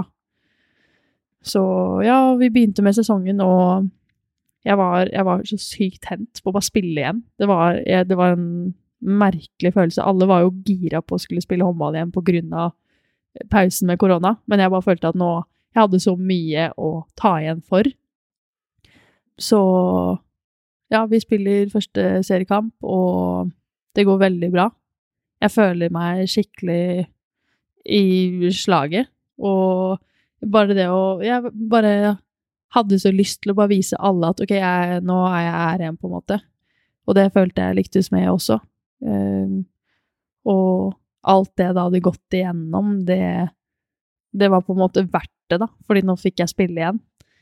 Um, så jeg følte at jeg var veldig sterk i hodet. Uansett om det var noe som ikke gikk helt min vei, så var det på en måte greit, fordi her uh, Nå spiller jeg igjen. Så det Nei, det var veldig, veldig fint. Og så um, Så skulle vi på um, Europacup med Tertnes. Drar ned dit. Det var jo ja, kaos med korona. Og så øh, kommer vi hjem fra den turen og bare, ja, prosedyre. Skal sove på karantenehotell før vi har fått svar på første Eller koronatesten. Og så øh, får vi da smitte i laget. Uh, og det tror jeg var veldig sånn utslagsgivende for meg, egentlig. Uh, fordi vi da Vi blir satt i karantene, og jeg trener ikke på ti dager. Jeg er bare inne på det hotellrommet. Eh, går en tur, liksom. Det er det jeg gjør i løpet av dagen. Og etter de dagene i karantene så skal vi reise direkte til eh, Arendal for å spille cupkamp dagen etter. Eh, så vi går da ut av ti dager karantene og rett inn i håndballtrening og kamp dagen etter. Noe jeg og kroppen min ikke var klar for i det hele tatt. Jeg følte meg sliten, og det var bare sånn Jeg merket at jeg hadde sikkert trengt en uke jeg på å komme meg igjen, bare etter at man ikke har gjort noen ting. Um, så det var litt sånn Det var ubehagelig, men jeg, det var OK, jeg kom meg gjennom den kampen, og det gikk bra, på en måte. Men da skulle vi igjen ta igjen masse kamper som vi ikke hadde fått spilt de dagene vi hadde vært i karantene. Så det ble veldig mange kamper på veldig kort tid. Uh, og jeg Jeg følte ikke at jeg kunne si ifra om at jeg var sliten, for det var vel sikkert alle andre òg. Og så skal vi da til Storhamar, eller Hamar, og spille kamp. Og før du skal fortelle om det som du skal fortelle om nå, Mm. så vil jeg bare si at uh, før du dro til Tertnes, da, så gjorde du jo eh, en veldig god jobb Mm. for å komme deg tilbake. Du fortalte om hvor langt nede du hadde vært, så, så var det veldig imponerende og, og inspirerende å se at, som du sa, du, har, du ble veldig mye sterkere mentalt. Og det var en litt annen Josefine som trente med meg i mai, juni, juli, før du skulle reise, da. Mm. Det virka som du hadde fått noen byrder av skuldrene ved å ta det valget om å flytte og litt andre ting også, og at du hadde gått gjennom alt det du gjorde. Så det var veldig gøy å se, i en så vanskelig situasjon, at du fortsatt gjorde alt du kunne. Jeg syns, det er viktig å påpeke, at du gjorde alt du kunne for å komme tilbake på håndballbanen. Det er ikke så mye du kunne gjort annerledes. Uh, og vi trente jo overalt, som du sa Mm. i små treningsrom og i sånn uh, greie inn på Asker der. Byggeplass, nærmest. Og på en løpebane ute og Mm. Jeg husker den veldig godt den siste økta vi hadde sammen i Holmenkollen. For vi skulle ha en økt med litt fart og hopp, egentlig. Mm. Uh, og da var jo korona, så det var ikke så mange steder å få gjort det. Så da dro vi i Holmenkollen, og jeg husker at det så veldig bra ut, da. Begge knærne og alle typer hopp og kraft og sånne litt nerdeting, da. Kontakttid og sånn med fot var liksom veldig bra. Mm. Uh, Så det var gøy å se. En del av de tingene som du hadde slitt med før du fiksa menisken, var liksom på plass, da. Mm. Så det var veldig morsomt å se før du reiste til Bergen, da. Eh, Noe annet som, eh, som også jeg, har lyst til å nevne, er jo at jeg, jeg fulgte jo veldig med når du hadde gått til Tertnes. Jeg så alle kampene du spilte, eh, og jeg er jo litt nerd. Gjorde du det? ja, Det visste jeg ikke. det visste du vel. Nei? Jeg sendte deg litt meldinger òg. Ja, det gjorde du. Ja.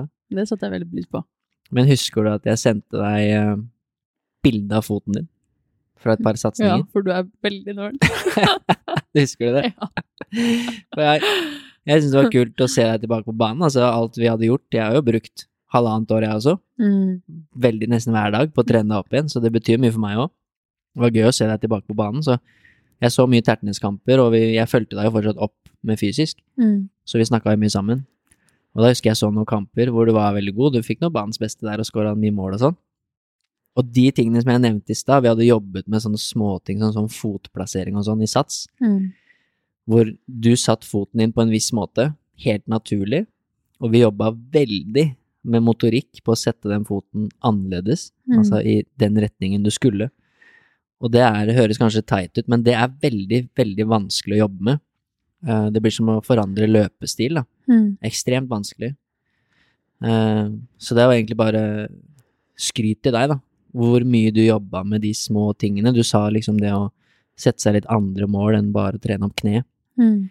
Og da er jeg som nerd som jeg er, så noen kamper hvor du scora noen mål på hoppskudd, som du gjør ofte, hvor jeg så fotplasseringen din, og det var situasjoner hvor du hadde fart, hvor du ble dytta, hvor du gikk inn, ut, rett opp, og fotplasseringen din var alltid bra.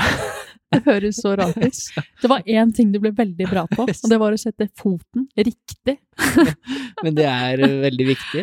Ja. Eh, så, og det var veldig kult å se, fordi det er veldig, veldig vanskelig å, å jobbe med. Mm.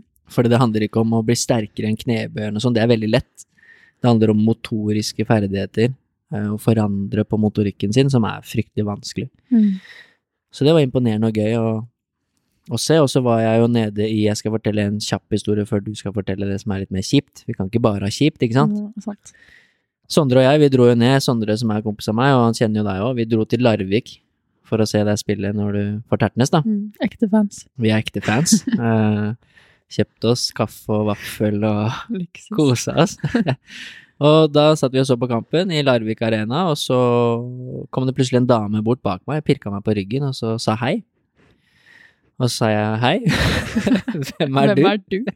uh, jeg huska, for jeg tror ikke jeg hadde hilst på henne sånn, i hvert fall ikke sånn Jeg kjente hun ikke igjen, i hvert fall.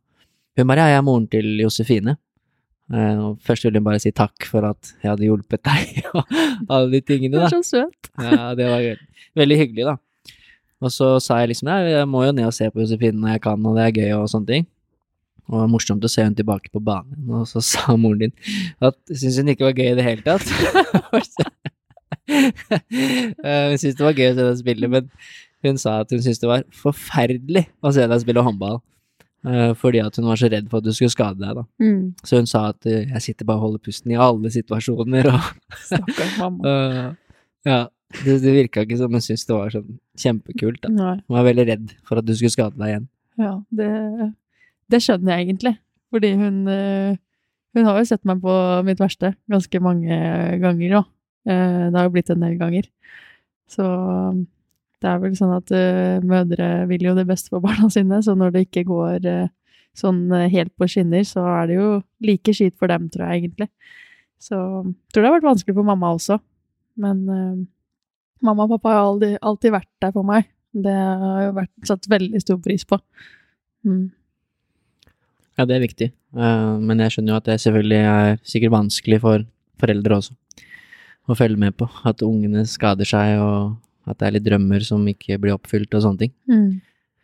Men uh, du var inne på det i stad, at dere var i en veldig tøff periode med Tertnes. Mm. Uh, hvor dere hadde reist, vært i Romania, det har vært litt sånn restriksjoner og karanteneopphold, da. Og det var flere klubber i Norge, husker jeg, som gikk gjennom de type tingene ved å være borte fra håndball eh, ganske lenge, ti-tolv dager, for så å skulle ta igjen masse kamper. Og det, hva skal jeg si, interessante er at det var ganske mange i norsk eliteserie som røk korsbåndet i den perioden der. Ja. Eh, Altfor mange, og en del eh, profiler også. Mm. Så det kan jo som igjen være flere grunner til det, men Mm. det er jo sannsynlig at det har en sammenheng, da. Mm. Så du får fortelle det du var i gang med å fortelle i stad. Du skulle til Hamar. Ja, jeg skulle til Hamar. Og det, det var jo der jeg hadde røket korsbåndet før, sist gang.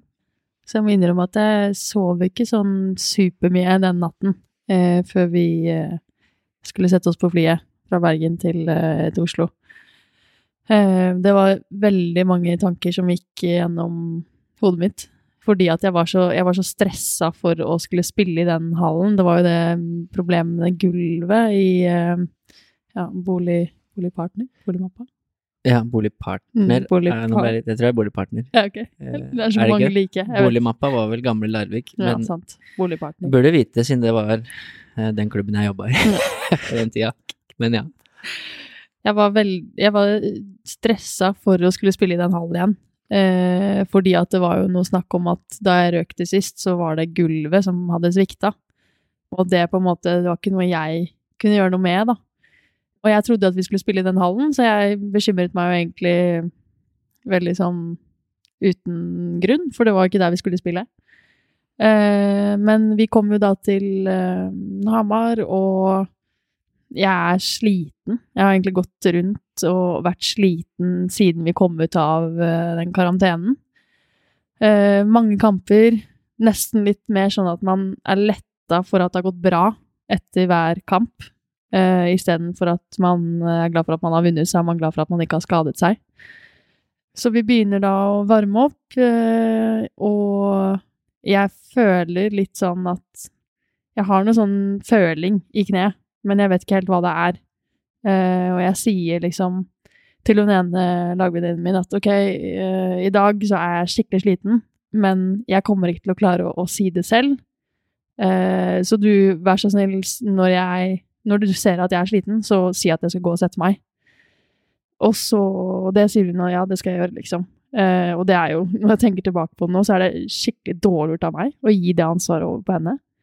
For det er noe jeg burde klart å stå for selv.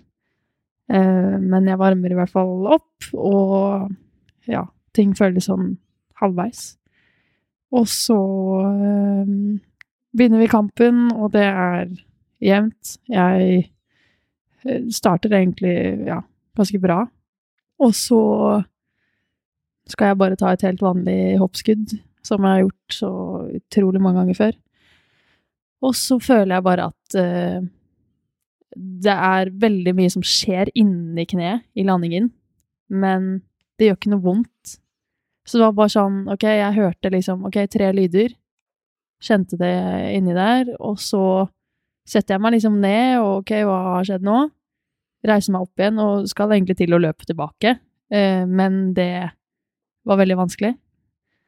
Så da ja, ble jeg tatt av banen, og det første jeg egentlig spør han fysioen om, er jo sånn Ok, kan du bare sjekke kneet mitt? Kan du sjekke at korsbånd er greit?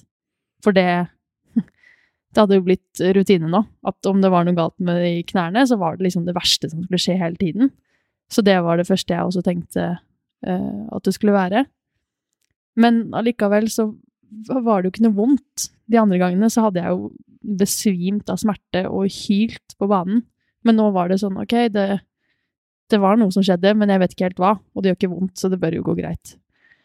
Um, og så nøler han litt med å svare meg da, når han tar denne korsbåndstesten. Um, og da begynner jeg egentlig å bli litt sånn stressa med en gang. Og så sier han litt sånn halvveis sånn, ja, det, det kjennes litt løst. Og da er det jo bare som om rullegardinen min går ned igjen. Fordi det vet jo jeg hva betyr. Det, det har jeg hørt før, på en måte.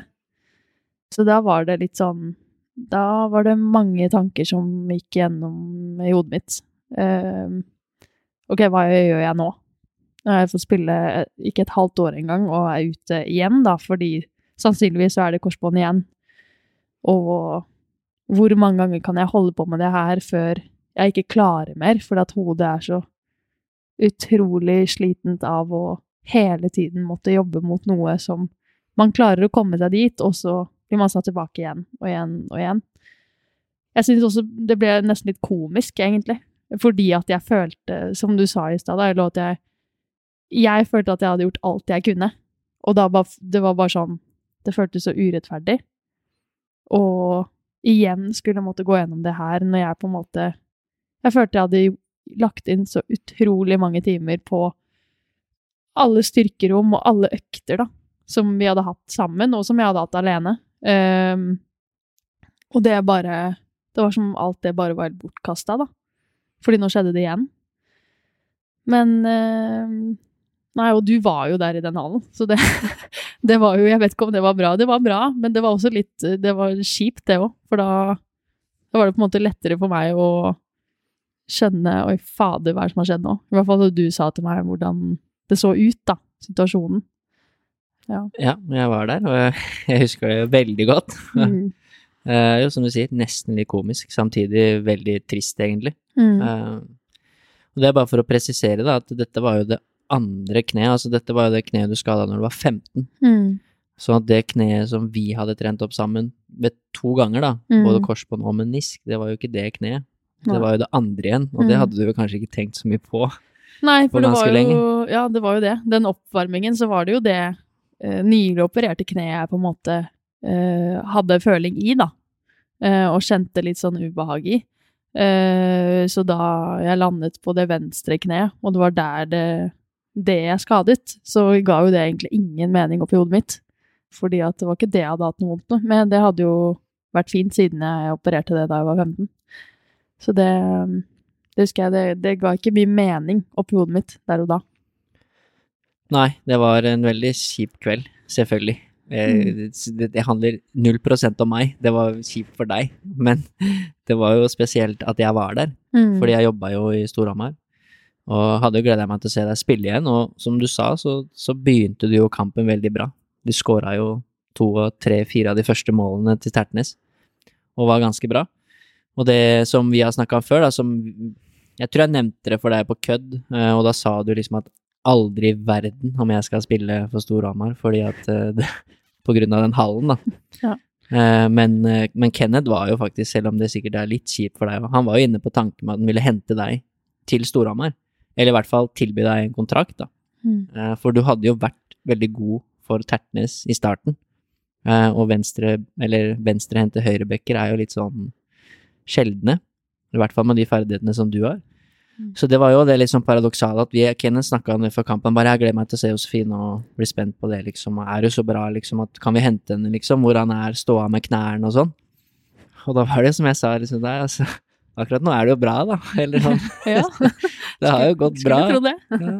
Og så, så ryker du det igjen, og da Jeg husker jeg var veldig kjipt. Jeg så landinga di, jeg tror du fikk en liten dytt, det var i hvert fall kontakt. Du Mm. lander veldig feil, og så Sånn jeg ser det. Jeg, så, jeg satt veldig nære, egentlig. Mm. Du hadde jo egentlig VIP-plass du til den landingen der. Jeg hadde det, Ja. merkelig nok. Mm. Og da var det litt sånn jeg tenkte der Jeg var ganske sikker på at du hadde skada det, da. Og så snakka jeg bare så vidt med han fysioen, som er, det var Storhamar sin fysio. Mm. Og han bare Det er jo vanskelig å si, men, men det er jo typiske sånn korsbåndtestene slår jo ut, da, på at Mm. det er skada. Mm. Uh, og da husker jeg du sendte meg en melding. Hvor er du? er du i hallen? Etter du Når du kom ut av garderoben, da. Mm. Og det var ikke noe Det var ikke noe kult å se den andre omgangen sammen med deg. Ja. Da syns jeg synd på deg. Mm. Sa vel egentlig ikke så mye, noen av oss. Nei, Forsto egentlig bare at det mest sannsynligvis var en kjip beskjed. Mm. Ja, det eneste vi snakket om da, tror jeg, var egentlig at ok, jeg må, jeg må kontakte Håvard. Eh, ringe Håvard og komme til han med en gang. Heldigvis så var vi jo på Hamar, eh, for da kunne jeg jo reise hjem. Så jeg satt jo på med deg hjem hele den turen, og det Eller hele veien hjem. Og det var jo Da tror jeg Da gikk jeg gjennom hele livsløpet mitt, følte jeg, egentlig. Sammen med deg. Det Ja, vi hadde jo tilbrakt mye tid sammen. Så Ja. det var jo veldig merkelig at jeg var der akkurat når det skjedde. Mm, mm, Og at jeg, jeg, jeg kjørte deg hjem og leverte deg på døra til moren din. mm. Her kom Josefine igjen, skada. Så det var, det var ikke noe gøy.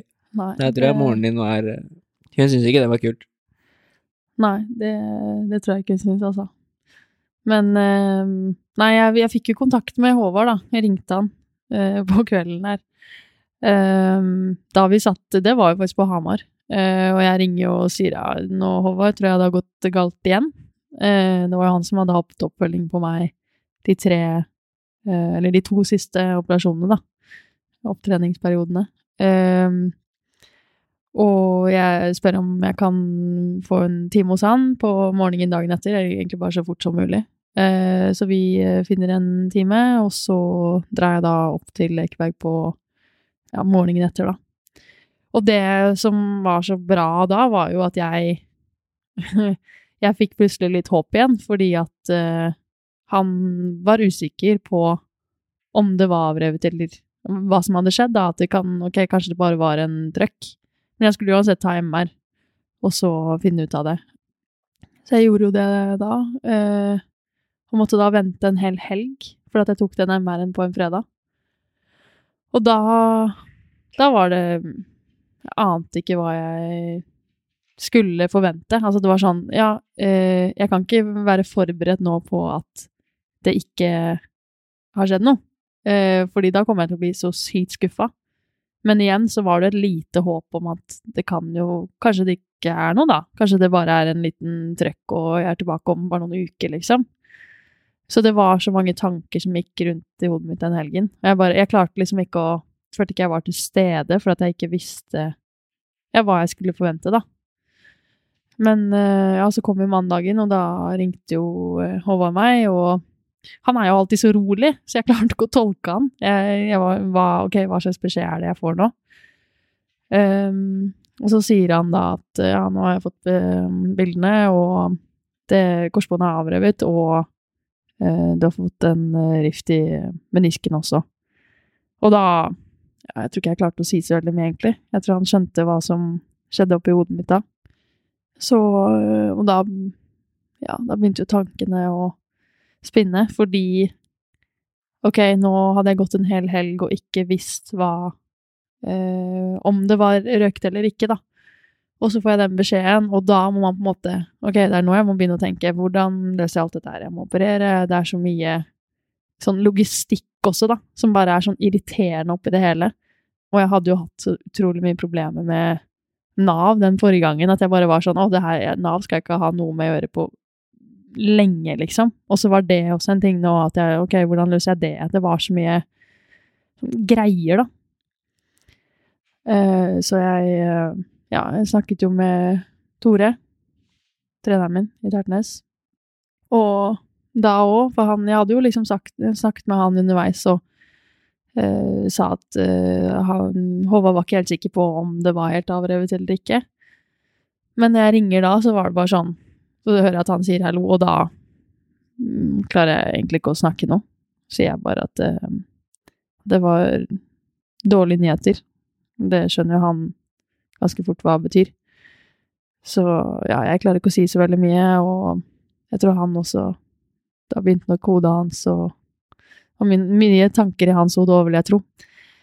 Ja, så jeg sier det til han, og så er det liksom ja, så er man stuck i de tankene igjen, da. Hva nå, liksom? Hvor, uh, hvor begynner man? Men jeg fikk jo operasjon ganske fort. Var jo en økt hos deg, husker jeg. Det var vel ikke Det var ikke mange dagene etter det.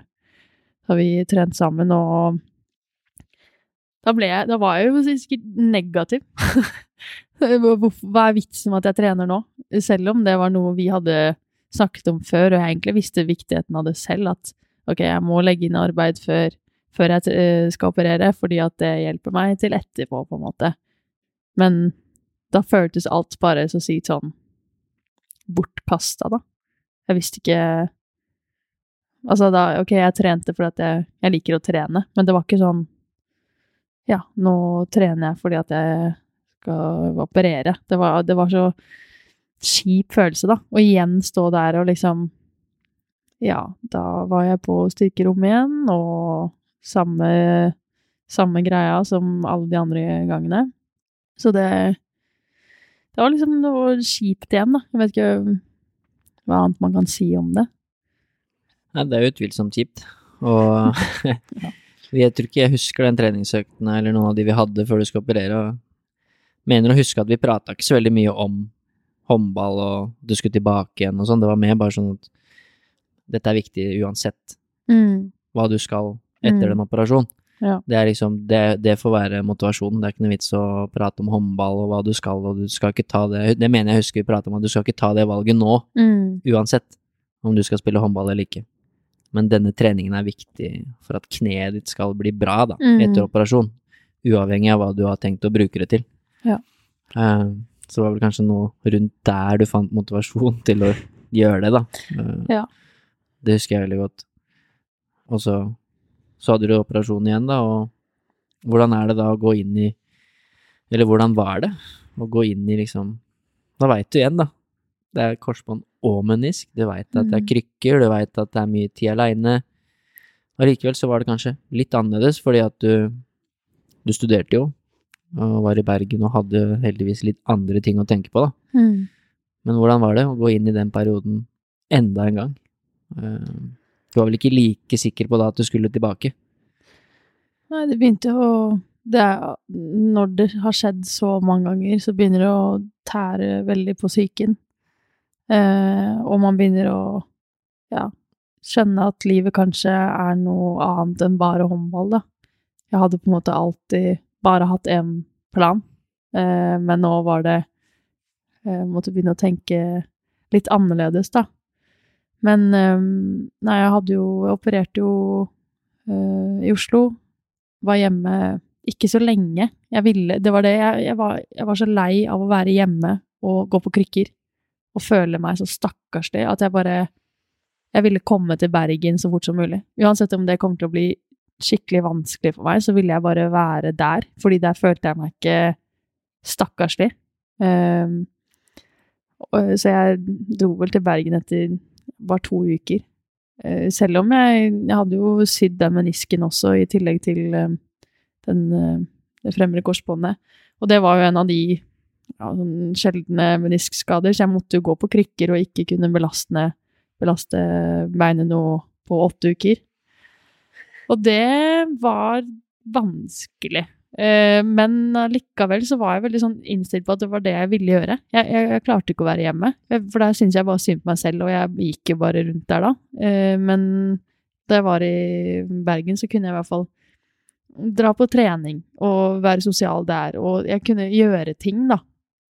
Eh, Selv om det tok eh, det tok jo tid å komme seg fra sted til sted, men jeg var i hvert fall veldig sånn på at jeg skal ikke ligge i sengen nå i fire, fem, seks uker, da.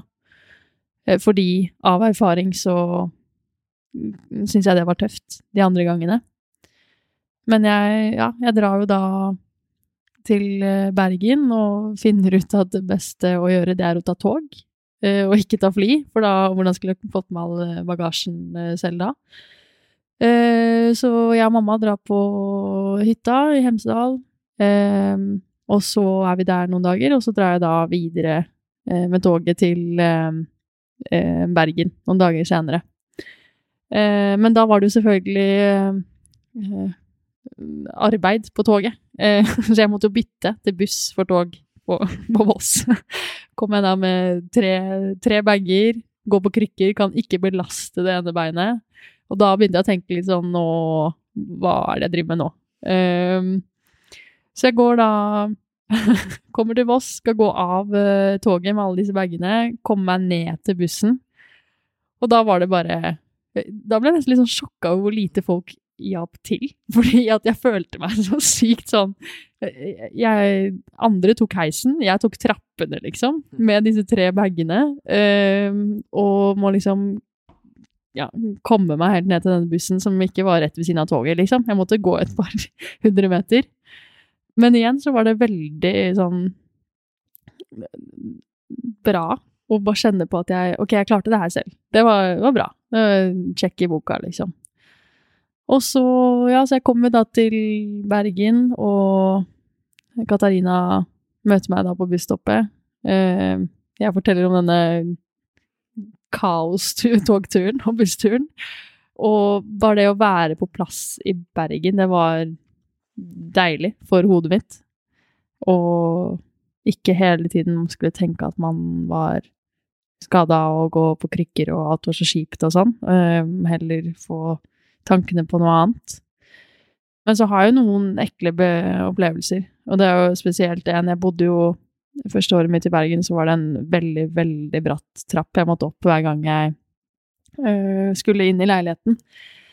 Eh, og så holder jeg da på trynet den trappen, eh, og må ta meg for, som var da ok, hva har jeg gjort nå? Jeg har skada kneet igjen, liksom. Eh, og så var det en gang jeg skulle bare inn døren, inngangsdøren, Eh, hadde vært og tatt en kaffe med en venninne, og så er hun sånn Ja, hun skal hjelpe deg, liksom, å lukke døren eller noe. Jeg var jo da Nei, det klarer jeg selv.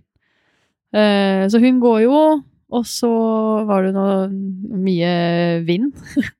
så den døren blåser jo opp når jeg skal til å ta i håndtaket, eh, og da setter ned det venstre beinet, da, som jeg akkurat hadde operert for typ ja, tre uker siden.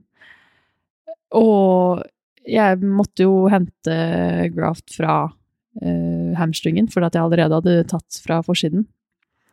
Og jeg bare føler at uh, hele den tynne tråden da, som uh, Mark hadde fortalt meg om at han brukte, altså kirurgen Man måtte være forsiktig med den de første seks ukene, fordi et lite tramp ned da kunne gjøre at den røk. Og jeg kjenner og føler at det er noe som ryker. Og jeg bare, jeg bare husker at jeg setter meg ned i trappa og gråter og bare ser, stirrer tomt ut i lufta, egentlig. Sikkert en halvtime. Sitter der og syns sykt synd på meg selv. Stakkarslig. Um, og så kommer hun ene venninna mi hjem og er sånn Oi, hvorfor sitter du her, liksom? Så sier jeg da nei, jeg har klart å sette ned foten min, liksom. Det høres jo helt idiotisk ut. Um, så hun hjelper meg da å komme meg opp. Uh, og så sender jeg da melding til uh, Håvard og forklarer liksom hva som har skjedd, da. Uh, så ringes vi, og jeg forklarer da enda mer, sånn at han skjønner litt hva greia, greia er. Uh, så sier han liksom at det, Men det høres ut som at det går bra. Uh, og jeg trodde jo ikke på han, fordi at det gikk jo alltid så dårlig. Så hvorfor har det ikke gått dårlig nå òg, liksom? så da ble jeg liggende i senga i sikkert to dager. Fordi jeg var så redd for at jeg hadde gjort noe skikkelig dumt, da. Og at det var min skyld at jeg det var også en litt sånn lærepenge på at ok, det er faktisk greit å spørre om hjelp. Fordi hun venninna mi hadde spurt om hun skulle lukke døren, men jeg var sta og sa at jeg skulle klare det selv, liksom. Så det, jeg følte jeg lærte litt av det da. At uh, ok, det er faktisk greit å, å få litt hjelp noen ganger. ja, og så ikke minst kanskje det er greit også å fungere i et normalt liv. Uh, jeg vet ikke om disse tankene som vi skal snakke litt om, begynner her eller før, eller kanskje er der hele tiden. Mm. Men uh, du har jo sagt til meg at du, du fikk jo litt tanker denne gangen om at det hadde vært fint å kanskje ha et normalt liv også, og ikke ha knær som er liksom helt herpa, og som gjør at du ikke kan gjøre ting, da. Mm. Uh, og ja, kanskje man ikke forstår, som du sier, det høres jo helt teit ut, setter ned foten og får skikkelig vondt og tror at alt er ryke og blir sittende i trappa og sånn, mm. men jeg tror andre i din situasjon kan kjenne seg igjen i det. Rikke, som var med, forteller jo om en ganske lik eh, episode. Mm. Etter hun hadde operert for tredje gang, og så var hun ute og gikk en tur med, jeg husker ikke om det var nesa hennes eller nevøen eller noe, og så skulle hun bare gå ned en skråning, og så hadde hun satt foten litt feil, fikk vondt i kneet og tenkte at nå har liksom alt ryket igjen, da. Uh, og blei helt liksom Ringte Håvard, ringte fysioer, ville sjekke det og alt mulig. Mm. Uh, og for henne da så var det også en sånn opplevelse, selv om den var veldig liten, om at eh, hvis dette her på en måte ikke Jeg skal ikke kunne gå en tur engang mm. uten at jeg skal bekymre meg for det kneet her, så, så er det kanskje lurt å, å begynne å revurdere, da, hva, mm. hva man skal gjøre framover. Hvordan var det for deg? Det, det er jo ikke sikkert disse tankene kommer inn her, men du har i hvert fall fortalt at du begynte å få mer og mer av de tankene der om det kanskje var andre ting mm. enn håndball også. Ja, for det, det var jo faktisk eh, helt tilbake til da jeg skulle inn i kneet for tredje gangen med den eh, meniskskaden. Da var jeg på besøk i Bergen, eh, og da var jeg egentlig i Kristiansand ennå, men var på besøk hos en venninne, og vi da sitter ute i parken, og jeg forteller da at ja, jeg må Nå skal jeg inn i kneet igjen. Og så er det bare sånn Vi ser på hverandre, og hun er jo min, en av mine nærmeste venninner, uh, så hun vet jo alt jeg har gått igjennom, og hvor tøft det har vært. Og jeg, det har liksom, hun har alltid støtta meg i hele den prosessen, da. Uh, men så ser vi på hverandre, og begge bare begynner å gråte, for det er liksom Ok, men hva er det dette her betyr, liksom? Uh, og da tror jeg jeg måtte ja, stramme meg litt opp for å liksom si at ok, nå, nå gir jeg det én sjanse til, og hvis det ikke går da, så, så, går det ikke, på en måte. Da må jeg begynne å se litt større på det. og skjønne at jeg vil bruke denne kroppen til noe annet enn bare håndball. Så det sa, sa jeg egentlig høyt til henne allerede eh, etter den eh, tredje operasjonen, da. Så da det skjedde på Hamar ja, et år senere, så Så var det liksom jeg, Du klarer jo ikke å, å skjønne at det er det som skjer. Altså sånn Jeg Du klarer å si når du ikke står i det, at ja, det her er siste gang, og så er jeg ferdig. Men så skjer det, og da Jeg ville jo ikke at det skulle være ferdig da det skjedde igjen. Så det Men samtidig så hadde du egentlig bestemt deg for at du var ferdig hvis det skjedde? Ja, for det, det handlet jo på en måte om at det her er ikke sunt lenger. Jeg vil, jeg vil kunne Jeg elsker å gå på tur i fjellet. Jeg vil kunne gjøre sånne ting når jeg er 30, da. Uten at uh, Nei, men det går ikke lenger, fordi at knærne mine funker ikke. Det Håndball er viktig, men så Det kommer liksom til et punkt da at uh, det finnes andre ting også. Uh, og det var nok veldig vanskelig for meg å innse og si høyt til meg selv. Så jeg tror nok jeg gikk rundt med ganske mange tanker i hodet etter den tredje korsbåndskaden. Men uh, jeg bestemte meg jo egentlig for å på en måte Jeg trener meg opp, og kjennes ting bra, så, så, så er det fint, og da, da kan det her funke, liksom. Og det var en vellykket operasjon, og ting føltes egentlig veldig bra da. Jeg kom meg jo etter den der uh, fallepisoden nå, uh, og da, da klarte jeg ganske fort å stole på kneet, egentlig. Jeg hadde ikke noe særlig smerter, og jeg har aldri slitt med å bli hoven i kneet heller, så det har liksom aldri hindra meg i styrketreningen. Men ja, så det gikk jo veldig bra, den opptreningen, egentlig. Den var jo selvfølgelig litt annerledes fordi at jeg Jeg hadde jo ikke det støtteapparatet så rundt meg da, som jeg hadde i Kristiansand.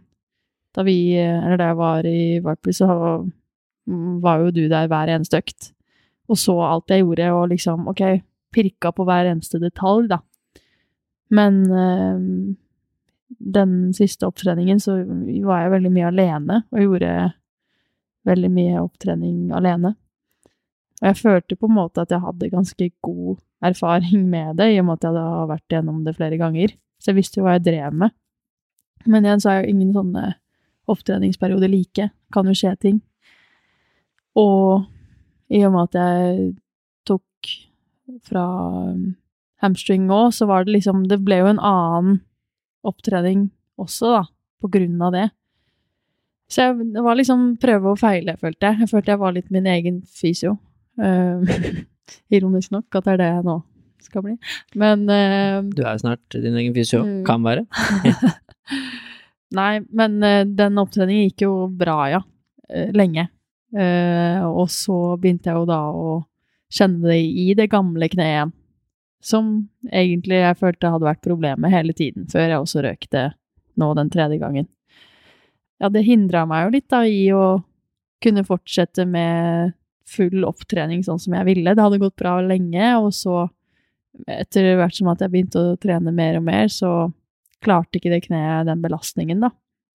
Og det var veldig Det var tøft fordi at jeg Jeg følte ikke at jeg gjorde noe annerledes, og jeg hadde jo fått til Jeg hadde hatt mye belastning før, liksom. Um, og så før sommerferien så skulle jeg bare trente styrke med en venninne, og så skal jeg kjøre markløft. Og det, plutselig så er det noe som skjer i det, det høyre kneet, da. Og da Det gjorde så vondt, men jeg begynte bare å le. For jeg tenkte sånn Det her Nå, nå må det være tull, liksom. Det her går ikke mer. Og da ble jeg litt sånn Jeg har ikke lyst til å sjekke det engang, for jeg har ikke lyst til å få vite om det er noe. Men så gjorde jeg jo det, da etter Det gikk sikkert ja, det gikk et par dager før jeg dro til fysio. Og så ser jo ting bra ut. Han sier bare ok, ja, er, du har fått en liten trøkk, liksom. Men det er det. Så det var jo veldig betryggende. Jeg, jeg hadde jo da venta på det verste, egentlig. Og trener egentlig ganske normalt den ja, sommerferien, da. Og så fortsetter, um, fortsetter jeg å trene mer og mer og ja, hardere økter utover mot høsten. Eh, før eh, kneet plutselig, det gamle da igjen, blir eh, veldig hovent. Så jeg skjønner ikke helt hva, hva er det jeg gjør feil. Jeg har ikke gjort det annerledes nå enn det jeg har pleid å gjøre, liksom. Og da Det var vel virkelig da det på en måte begynte å dukke opp de tankene i hodet mitt at uh, hvis det her ikke funker engang, hvordan skal jeg klare å spille håndball og uh, det skal gå fint? Når kneet mitt hovner opp etter å ha gått en tur i byen, liksom. Det Såpass skal det tåle, da. Så det var nok da de tankene sånn ordentlig begynte å dukke opp i hodet. At det, ok, det, det, er, det er ikke det bare en vurdering lenger det å, om det å ikke spille håndball, men det virker ikke forsvarlig, da, for min egen helse.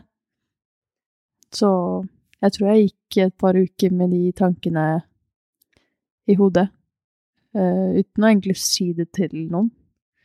Men da jeg først sa det til mine nærmeste venner, da, at ok, nå, nå funker ikke det her lenger. Nå jeg, Knærne mine funker ikke. Det her er ikke Jeg føler ikke det er bra for mm, verken syke eller hel, uh, helse, liksom. Så gikk det liksom bra. Jeg følte jeg hadde vært igjennom hele den der sorgprosessen med å ja, prosessere det å ikke skulle drive med håndball lenger. Sånn helt tilbake til det med at jeg gikk til Rune, mentaltreneren, og var i identitetskrise med ok, hvem er jeg hvis jeg ikke driver med håndball? Jeg måtte begynne å tenke helt nytt, da, men jeg klarte på en måte å si det til mine nærmeste venninner at dette her eh, Det her er ikke bra for meg lenger. Eh, og jeg ble egentlig nesten litt overrasket over meg selv over hvor greit jeg klarte å si det. At det var bare sånn Ok, ja, men å ja, det var ikke så vanskelig. Jeg klarer å si dette her høyt, liksom. Og da begynte jeg å tenke sånn Ok, men dette her er kanskje noe jeg i underbevisstheten har prosessert veldig lenge, da.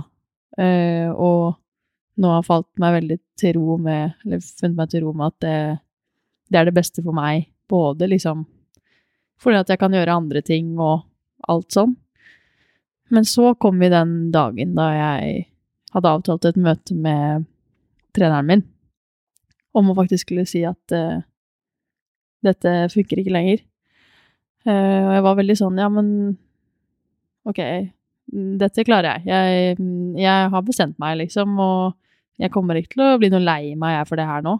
Uh, men med en gang jeg satte meg ned i, i sofaen med han, så var det bare Med en gang han spurte meg om hva jeg tenkte, så klarte jeg jo ikke å prate, fordi det var da jeg kanskje skjønte, og det gikk opp for meg, at når jeg sier det til han nå, så er det faktisk Da er det dette her som skjer.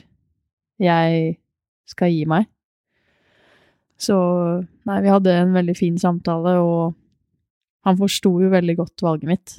Og det var Det er også sånn Jeg skjønner ikke hvordan man klarer å bruke så mye energi på sånne ting som er man får ikke gjort noe med det før det skjer. For da hadde jeg jo tenkt tanker i hodet mitt. Ja, ok, hva hvis Tore tenker at jeg er skikkelig egoistisk som slutter? Hva hvis uh, Tore tenker at uh, Sykt teit at hun ikke prøver igjen. Altså, det var så mye sånne derre tanker i hodet mitt om hva alle andre syntes, som egentlig jeg burde, burde ja, ikke bry meg om, da. Men i og med at det er dette jeg liksom hadde holdt på med hele livet, så uh, følte jeg at alle kom til å ha en mening om mitt valg. Og jeg trodde på en måte at jeg ikke brydde meg om det, men da jeg skulle si det til han, så var det veldig sånn Oi, eh, hvordan takler han det her? Hvordan, hvordan, takler jeg måten han takler det på? Altså, det var, det var så mye tanker, da. Um, men eh, det var en veldig sånn grei følelse å få den samtalen overstått, fordi at jeg følte at da kunne jeg endelig puste litt ut. Um, så ja. Det Jeg vet ikke helt hva jeg skal si om det, altså. Det Nei, du har sagt mye. Og det, ja. det er jo noe som du hadde gått og tenkt på og dvela med lenge, egentlig. Eh, Mm. og som du sa, det starta egentlig med i Vipers, når du måtte inn for andre gang der, at eh, hvis det går gærent etter det her, Mm. så er det nok, liksom. Og så når du gjorde det på Hamar, så det, det er jo tanker som har vært der, og prosesser du har gått gjennom. Det er jo Mm. ganske tunge prosesser. Og det å ta et så stort valg, det er jo noe med det at når det blir endelig, så er det jo annerledes. Så Mm. det, det er som vi snakket litt om i stad, denne sorgprosessen som du Du har pratet litt om det nå, ikke i detalj, men du har prata egentlig om det nå gjennom hele episoden. Mm. Men du ser det jo på som en sånn liten sorgprosess, eh, og den tror jeg nok kan være ganske lik. Det disse stadiene man går gjennom mentalt, da, Mm. i en sorg, med sinne og fornektelse og kanskje etter hvert forhåpentligvis aksept, så er det nok mange som kan kjenne seg igjen i disse tankene og følelsene som du har, beskriver nå, da. Mm. Selv om ikke det handler om håndball.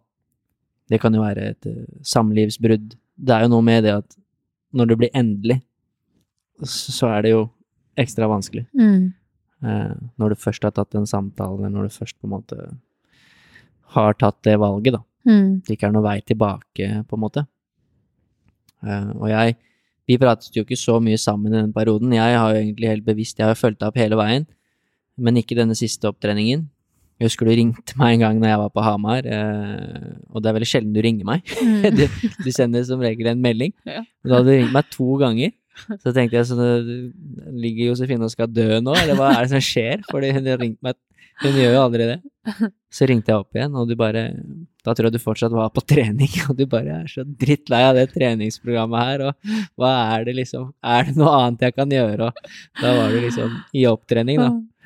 ja. Eh, og så har jeg helt bevisst egentlig ikke spurt deg noe sånn om hva du tenker, og skal du fortsette og sånn. Mm. Eh, fordi jeg har forstått at det er liksom Det er noe du må finne ut av sjøl. Og jeg har vært så tett oppi det også at jeg liksom har sett at det, dette er en vanskelig prosess. Du må finne ut av det selv, da. Mm. Så vi har jo egentlig ikke pratet så mye om det før nå. Mm. Vi møttes jo før jeg dro til Romania i sommer og spiste middag, og da snakket vi ikke så mye om det da heller. Eh, så når jeg så du la ut på Instagram at du var ferdig, så ble jeg litt sånn letta jeg òg. Sånn, åh, Mm. det er bra. Eller sånn. Jeg syns Mm. det var fint. Nå har du tatt det valget, og jeg skjønte hva det valget betydde, og alt du har gått igjennom for å ta det. Mm. Eh, Så jeg ble litt sånn letta, jeg òg. Selv om det selvfølgelig er trist, da. Mm. Ser man på det med idrettsøyne, så er det jo veldig kjedelig, fordi du hadde jo enormt med potensial. Og kunne blitt veldig god, var allerede veldig god. Mm. Så hvis man begynner å se på det, og det er sikkert for deg òg, hvis du begynner med de tankene der, så er det nok sikkert litt kjipt, da. Hvor god kunne jeg blitt hvis Ja, jeg ikke hadde hatt alle de jævla skadene, liksom? Det er noe jeg ikke har prøvd å, å tenke så veldig mye på, uh, for det irriterer meg bare.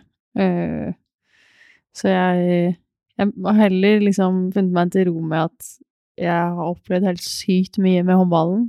Jeg har veldig mange fine minner. Selvfølgelig ganske mange skip òg. Um, men det har gitt meg ekstremt mye. Uh, og jeg sitter liksom igjen med så mange gode folk, da, som har betydd utrolig mye for meg, uh, og som jeg da uh, kommer til å ta med meg videre i livet. Så det er liksom det å klare å tenke de baner, det har tatt litt tid. Men det er det jeg føler at jeg har blitt flinkere på nå, da. Ja, det tror jeg uten tvil har blitt. Det er jo litt annerledes å møte deg nå enn uh, da du hadde ryket menisken for, for andre gang der i Vipers, og du er jo på en litt annen stadie nå. Det er jo veldig fint å se at du virker veldig trygg på valget ditt. Og ikke minst at du har opplevd at livet er mer enn håndball, da. Mm. Du er litt inn, inn i dette med fysioterapi nå, og du begynner allerede å se på hvor du kan jobbe, eh, og hvor, hvordan du allerede kan begynne å hjelpe kanskje andre idrettsutøvere. Mm. Så det er igjen, det er jo fint, og det er jo et tegn på at man har prosessert det, når man begynner å se på seg selv som en ressurs, da. Mm. At ok, det er kjipt, men kan jeg bruke det til noe? Kanskje jeg kan hjelpe noen andre? Eh, det er et godt tegn da, på at du er på vei videre Mm. fra det du har gått gjennom. Så det syns jeg er fint å se. Men jeg vil likevel stille deg et spørsmål rundt det, som sikkert er litt kjipt. Men jeg hadde med en gjest som heter Brede Cissar, eh, og han slutter jo med ishockey, eh, som han har drevet med hele livet. Og han sa noe som liksom festa seg, og som jeg spurte når vi prater om i den episoden, og han sier liksom Jeg er så ekstremt takknemlig for at jeg valgte selv å slutte med ishockey. Eller altså sånn, han ble ikke tvunget til å ta det valget, da. Eh, han sa jeg var skadefri, jeg var helt fin, jeg kunne sikkert spilt fem, seks, sju år til, men jeg tok det valget basert på andre ting han heller ville drive med, og når han ser tilbake på det, så er han vanvittig takknemlig for det. Og du skrev jo i disse notatene før episoden og litt vi prata om at du følte jo deg tvunget til å ta valget. Mm. Uh, og hvordan var det å gå gjennom det, på en måte? Eller sånn, det, det er jo Hvordan har det vært? For det har sikkert vært mye følelser rundt det, at du har jo tatt valget selv nå til slutt, men du har jo på en måte blitt tvunget til å ta det òg. Mm. Ja, det Jeg vet ikke hva jeg skal si. Det, første gangen jeg røk korsbåndet, så var det ikke noe tvil om at jeg skulle tilbake. Jeg var så sulten og hadde bare lyst til å spille håndball. Um, og så skjedde jo det her igjen og igjen og igjen. Uh, og for hver gang det skjedde, så skjønte jeg på en måte Jeg ble jo eldre òg, så jeg skjønte hva det hadde å si for videre videre ting, da, hvordan livet ble videre. Så um, den siste gangen jeg mm, røkte nå og da, så var det Det Jeg, jeg blir helt sånn eh, Det er vanskelig fordi at det har vært en så stor del av deg, og det var bare det jeg ønsket å drive med helt siden jeg var liten, så var det på en måte det var min drøm og min store interesse. Og da hele tiden føle at du på en måte legger ned arbeid, men det er alltid noe som går imot, da. Det var veldig vondt, fordi at jeg Hadde jeg vært 35 år og hatt en superkarriere og finner ut av at ok, men nå, nå er jeg på en måte mett, nå er, jeg tror det uansett er tøft om man er 35 år og skal legge opp fordi at nå, nå gir man seg, på en måte. Eller om man, som i mitt tilfelle, ikke føler at man kan lenger, så er det nok uansett tøft. Fordi at man må venne seg til en helt ny hverdag. Men det føles uh, veldig vondt, da, å ikke kunne ha muligheten til å gjøre det man ja, har gjort hele oppveksten, og ja, eh, virkelig liksom lagt all tid og ressurser i, da. Fordi at man har en kropp som ikke fungerer lenger. Ja, og det var jo sånn som vi snakket om i stad, og at det, de eh, tankene om at man er så opptatt av hvor bra man kunne ha gjort det, de har jo selvfølgelig oppstått i hodet. Uh, men det er på en måte Ja, det er ting man må prosessere også, da. Så Nei, det, er, det, er, det er, nok det vanskeligste. Det å måtte gi seg fordi at man faktisk ikke kan lenger. Ja. Men så, som du sier, du har jo lært veldig mye av håndballen og sitter igjen med mye.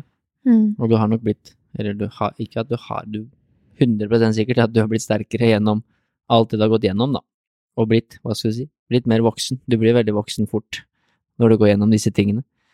Uh, og lærer veldig mye om deg sjøl, som du sier. Dette handler jo om mer enn bare håndball. Det handler om veldig mange andre personlige ting. Å lære seg å takle motgang, lære seg å komme seg ut når man er helt på bunnen, osv. Så, videre. Så dette er jo viktige verktøy å ta med seg videre i livet, uansett hva du skal drive med. Det er som du sa i stad, at det er jo ikke nødvendigvis slutte med håndball, det kan være hva som helst, men ting som skjer i livet da, som gjør at alt snur veldig kjapt. Om det er en karriere som plutselig ryker på grunn av en skade, eller at du mister noen, eller hva det måtte være, så, så er det greit å ha med seg noe verktøy til hvordan du skal håndtere det når de tingene oppstår. Og det har du fått, uten tvil. Og så er det gøy å se i stad at når vi trente sammen, så, som du sa, du har jo fortsatt en kropp som fungerer veldig, veldig bra. Og jeg tror det er viktig, eh, at du også opplever nå framover at du faktisk har en kropp som fungerer veldig, veldig bra. Men den fungerer ikke til håndball, bare. Mm. Men den fungerer jo til ekstremt mye annet. Eh, så små ting som at vi gjorde knebøy i stad, og du brukte vel en halvtime på å overtale deg til at nei, du trenger ikke den boksen bak, Josefine. Eh, det går fint. Eh, hvor du liksom Nei, men det kneet tåler ikke det og går ikke. Og så gjør du litt dypere knebøy enn du er vant til å gjøre, og så går det greit. Mm. Eh, og disse opplevelsene tror jeg er veldig viktige, bare sånn for å tro litt på egen kropp igjen, da.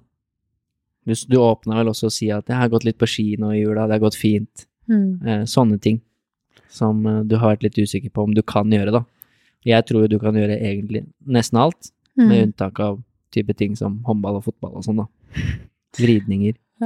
Ja, det er jo bare det at man må Man må gjøre de tingene man ikke har gjort, gjort siden man opererte, igjen. Og kroppen må på en måte bli vant til det, da. Så det var skummelt å stå på ski òg, men jeg må bare gjøre det mange nok ganger. Akkurat det samme som når man skal gjøre den bevegelsen man kanskje har eh, ja, røket korsbåndet i, da. Eh, Så må man bare gjøre det mange nok ganger før det ikke blir så skummelt lenger, da. Og det er jo vanskelig å sette seg selv i den situasjonen hele tiden, eh, for det begynner jo å bli ganske mange situasjoner. Men igjen, det, utfordrer jo, da, så det er jo bra òg. Ja, så det blir gøy å se litt. Du har jo lovt at du skal bli litt sånn crossfitter nå. Du har lovt det, ja. Jeg har Mm. lovt at du skal bli det. Mm. Fordi du er jo veldig atletisk, og du har det vil bare poengtere at du har en kropp som fungerer til veldig, veldig mye. Eh, og det er fint å ta med seg videre. Og det kommer du til å erfare. Og Mm. forhåpentligvis så finner du glede i andre aktiviteter. Etter hvert som for eksempel å gå på ski, da. Eller gjøre andre ting. Mm. Uh, men det, noe jeg vil spørre deg om før vi begynner å nærme oss litt slutten, er nå som du har tatt valget da, om å slutte med håndball, Mm. som du sier, alle som kjenner deg, forbinder jo deg med håndballspiller. Venner, familie og så videre og så videre. Hvordan har det vært etter du tok det valget? Hvordan, har du fått meldinger, Er det folk, hva har folk sagt, og hvordan type kommentarer har du fått, da? Nei, folk har jo Det jeg fryktet, har jo på en måte ikke skjedd. Folk eh, har jo virkelig forstått valget mitt og støttet meg 100% i den avgjørelsen. Og det er jo det som er så fint òg, på en måte. At man ser hvem som, som bryr seg, da. Eh, og at det er så mange folk som har sett den jobben jeg har lagt inn, da. Og eh, skjønner nå valget mitt veldig godt. Og liksom Ja, det er fine folk jeg har blitt kjent med, som eh, betyr veldig mye når man går gjennom en sånn situasjon, da. Mm. Så det har vært eh, positivt, holdt jeg på å si. Tilbakemeldinger og feedback du har hatt. Ja, det For du har jo irritert deg litt over kommentarer før, som Rikke også nevnte. Sånn typisk at ja, men det går bra, du kommer tilbake igjen. Og mm. Ja, folk, det- folk mener jo godt, men jeg skjønner jo at det er irriterende. Ja, i hvert fall. Det er, jeg tror det var mer sånn Når man har gjort dette her ganske mange ganger, da, så begynner de kommentarene å, å ja, rett og slett bli irriterende. Fordi at da jeg ble, jeg ble sånn Ok, du mener det med beste mening, at du sier 'heia deg, kommer tilbake om ni måneder', liksom.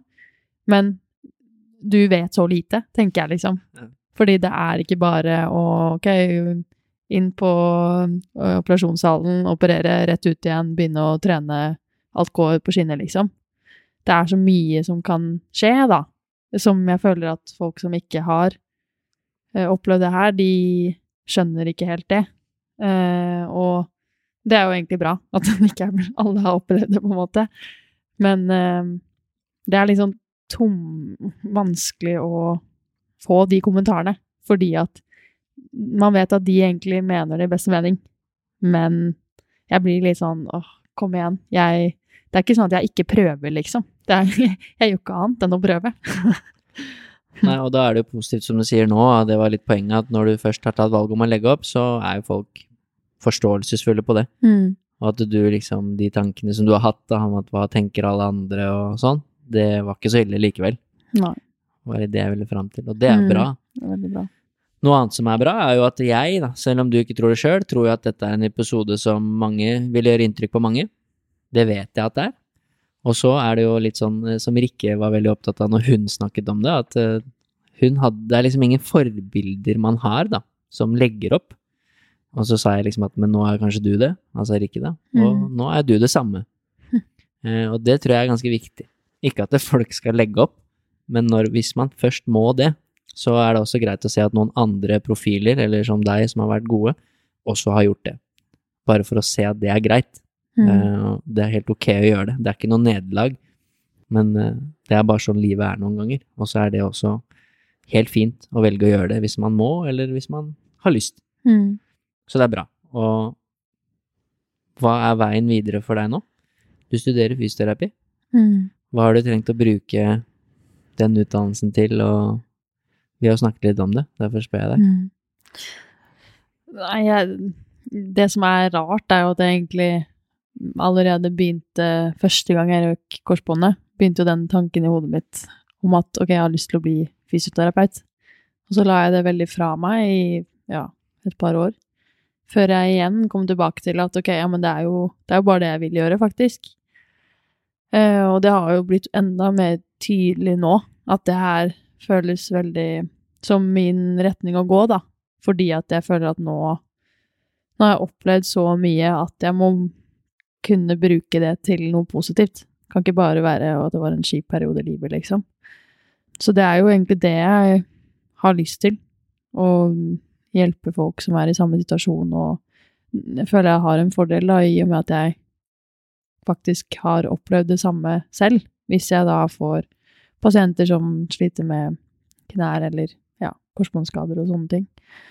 Så jeg håper at det kan være med å bidra til noe positivt, da. Og egentlig da klare å se hele bildet rundt. At det ikke bare handler om kneet og opptreningen, men at man, man må ha, ha, det bra også, for at det liksom skal kunne fungere, da. Mm. Det er viktig, og det har du fått erfare. Og du sa til meg at du uh, skal bli en fysioterapeut som bryr deg, yes. uh, og som gjør det lille ekstra. Du skulle ikke sende folk ut med et program og ikke snakke til dem mer, du skulle bry deg, så jeg tar deg på ordet. Mm. Det vet jeg at du gjør, og så kommer du til å gjøre en viktig jobb. Så det blir veldig spennende å se hvordan veien din videre blir, Mm. både med crossfit og altså. Både med det og fysioterapi. Mm. Jeg bare tuller med crossfit, da. Men uh, får nå se. det er i hvert fall bra at du har tatt valget.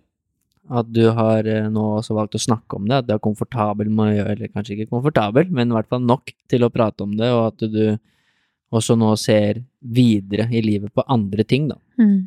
På en positiv måte. Det er veldig fint å se.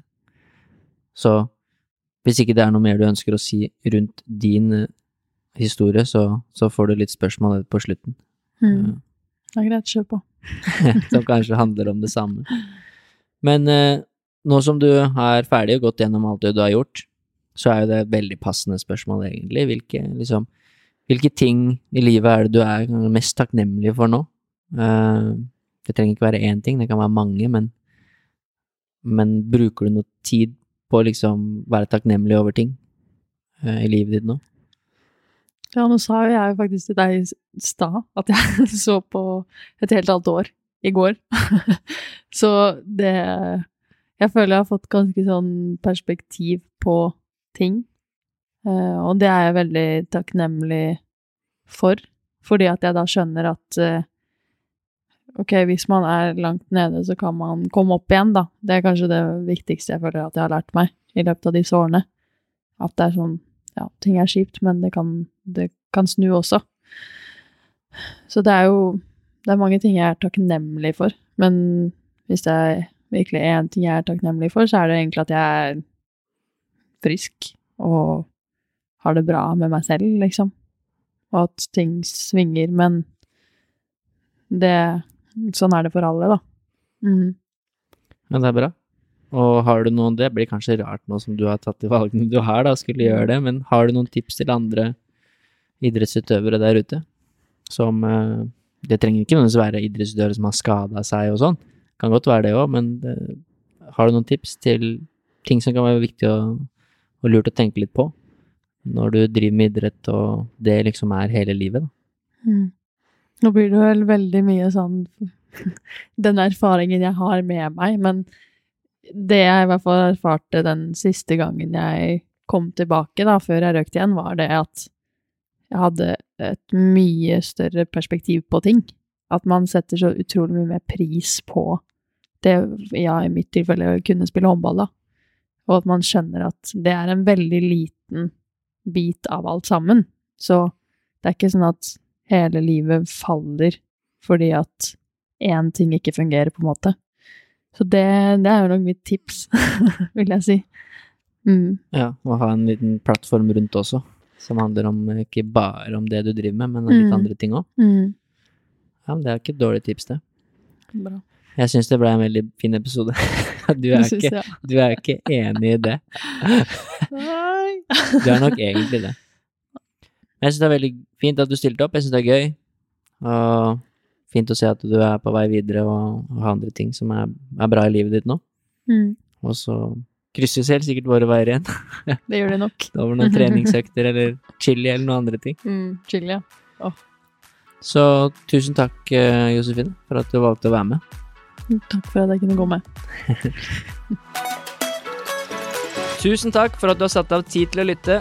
Det setter jeg stor pris på, og jeg håper at du sitter igjen med noe verdifullt. Hvis du ønsker mer inspirasjon til trening og helse, følg meg, coach Elo, på Instagram. Der kan du også stille meg spørsmål, samt komme med tilbakemeldinger til podkasten. Du finner lenken i episodebeskrivelsen.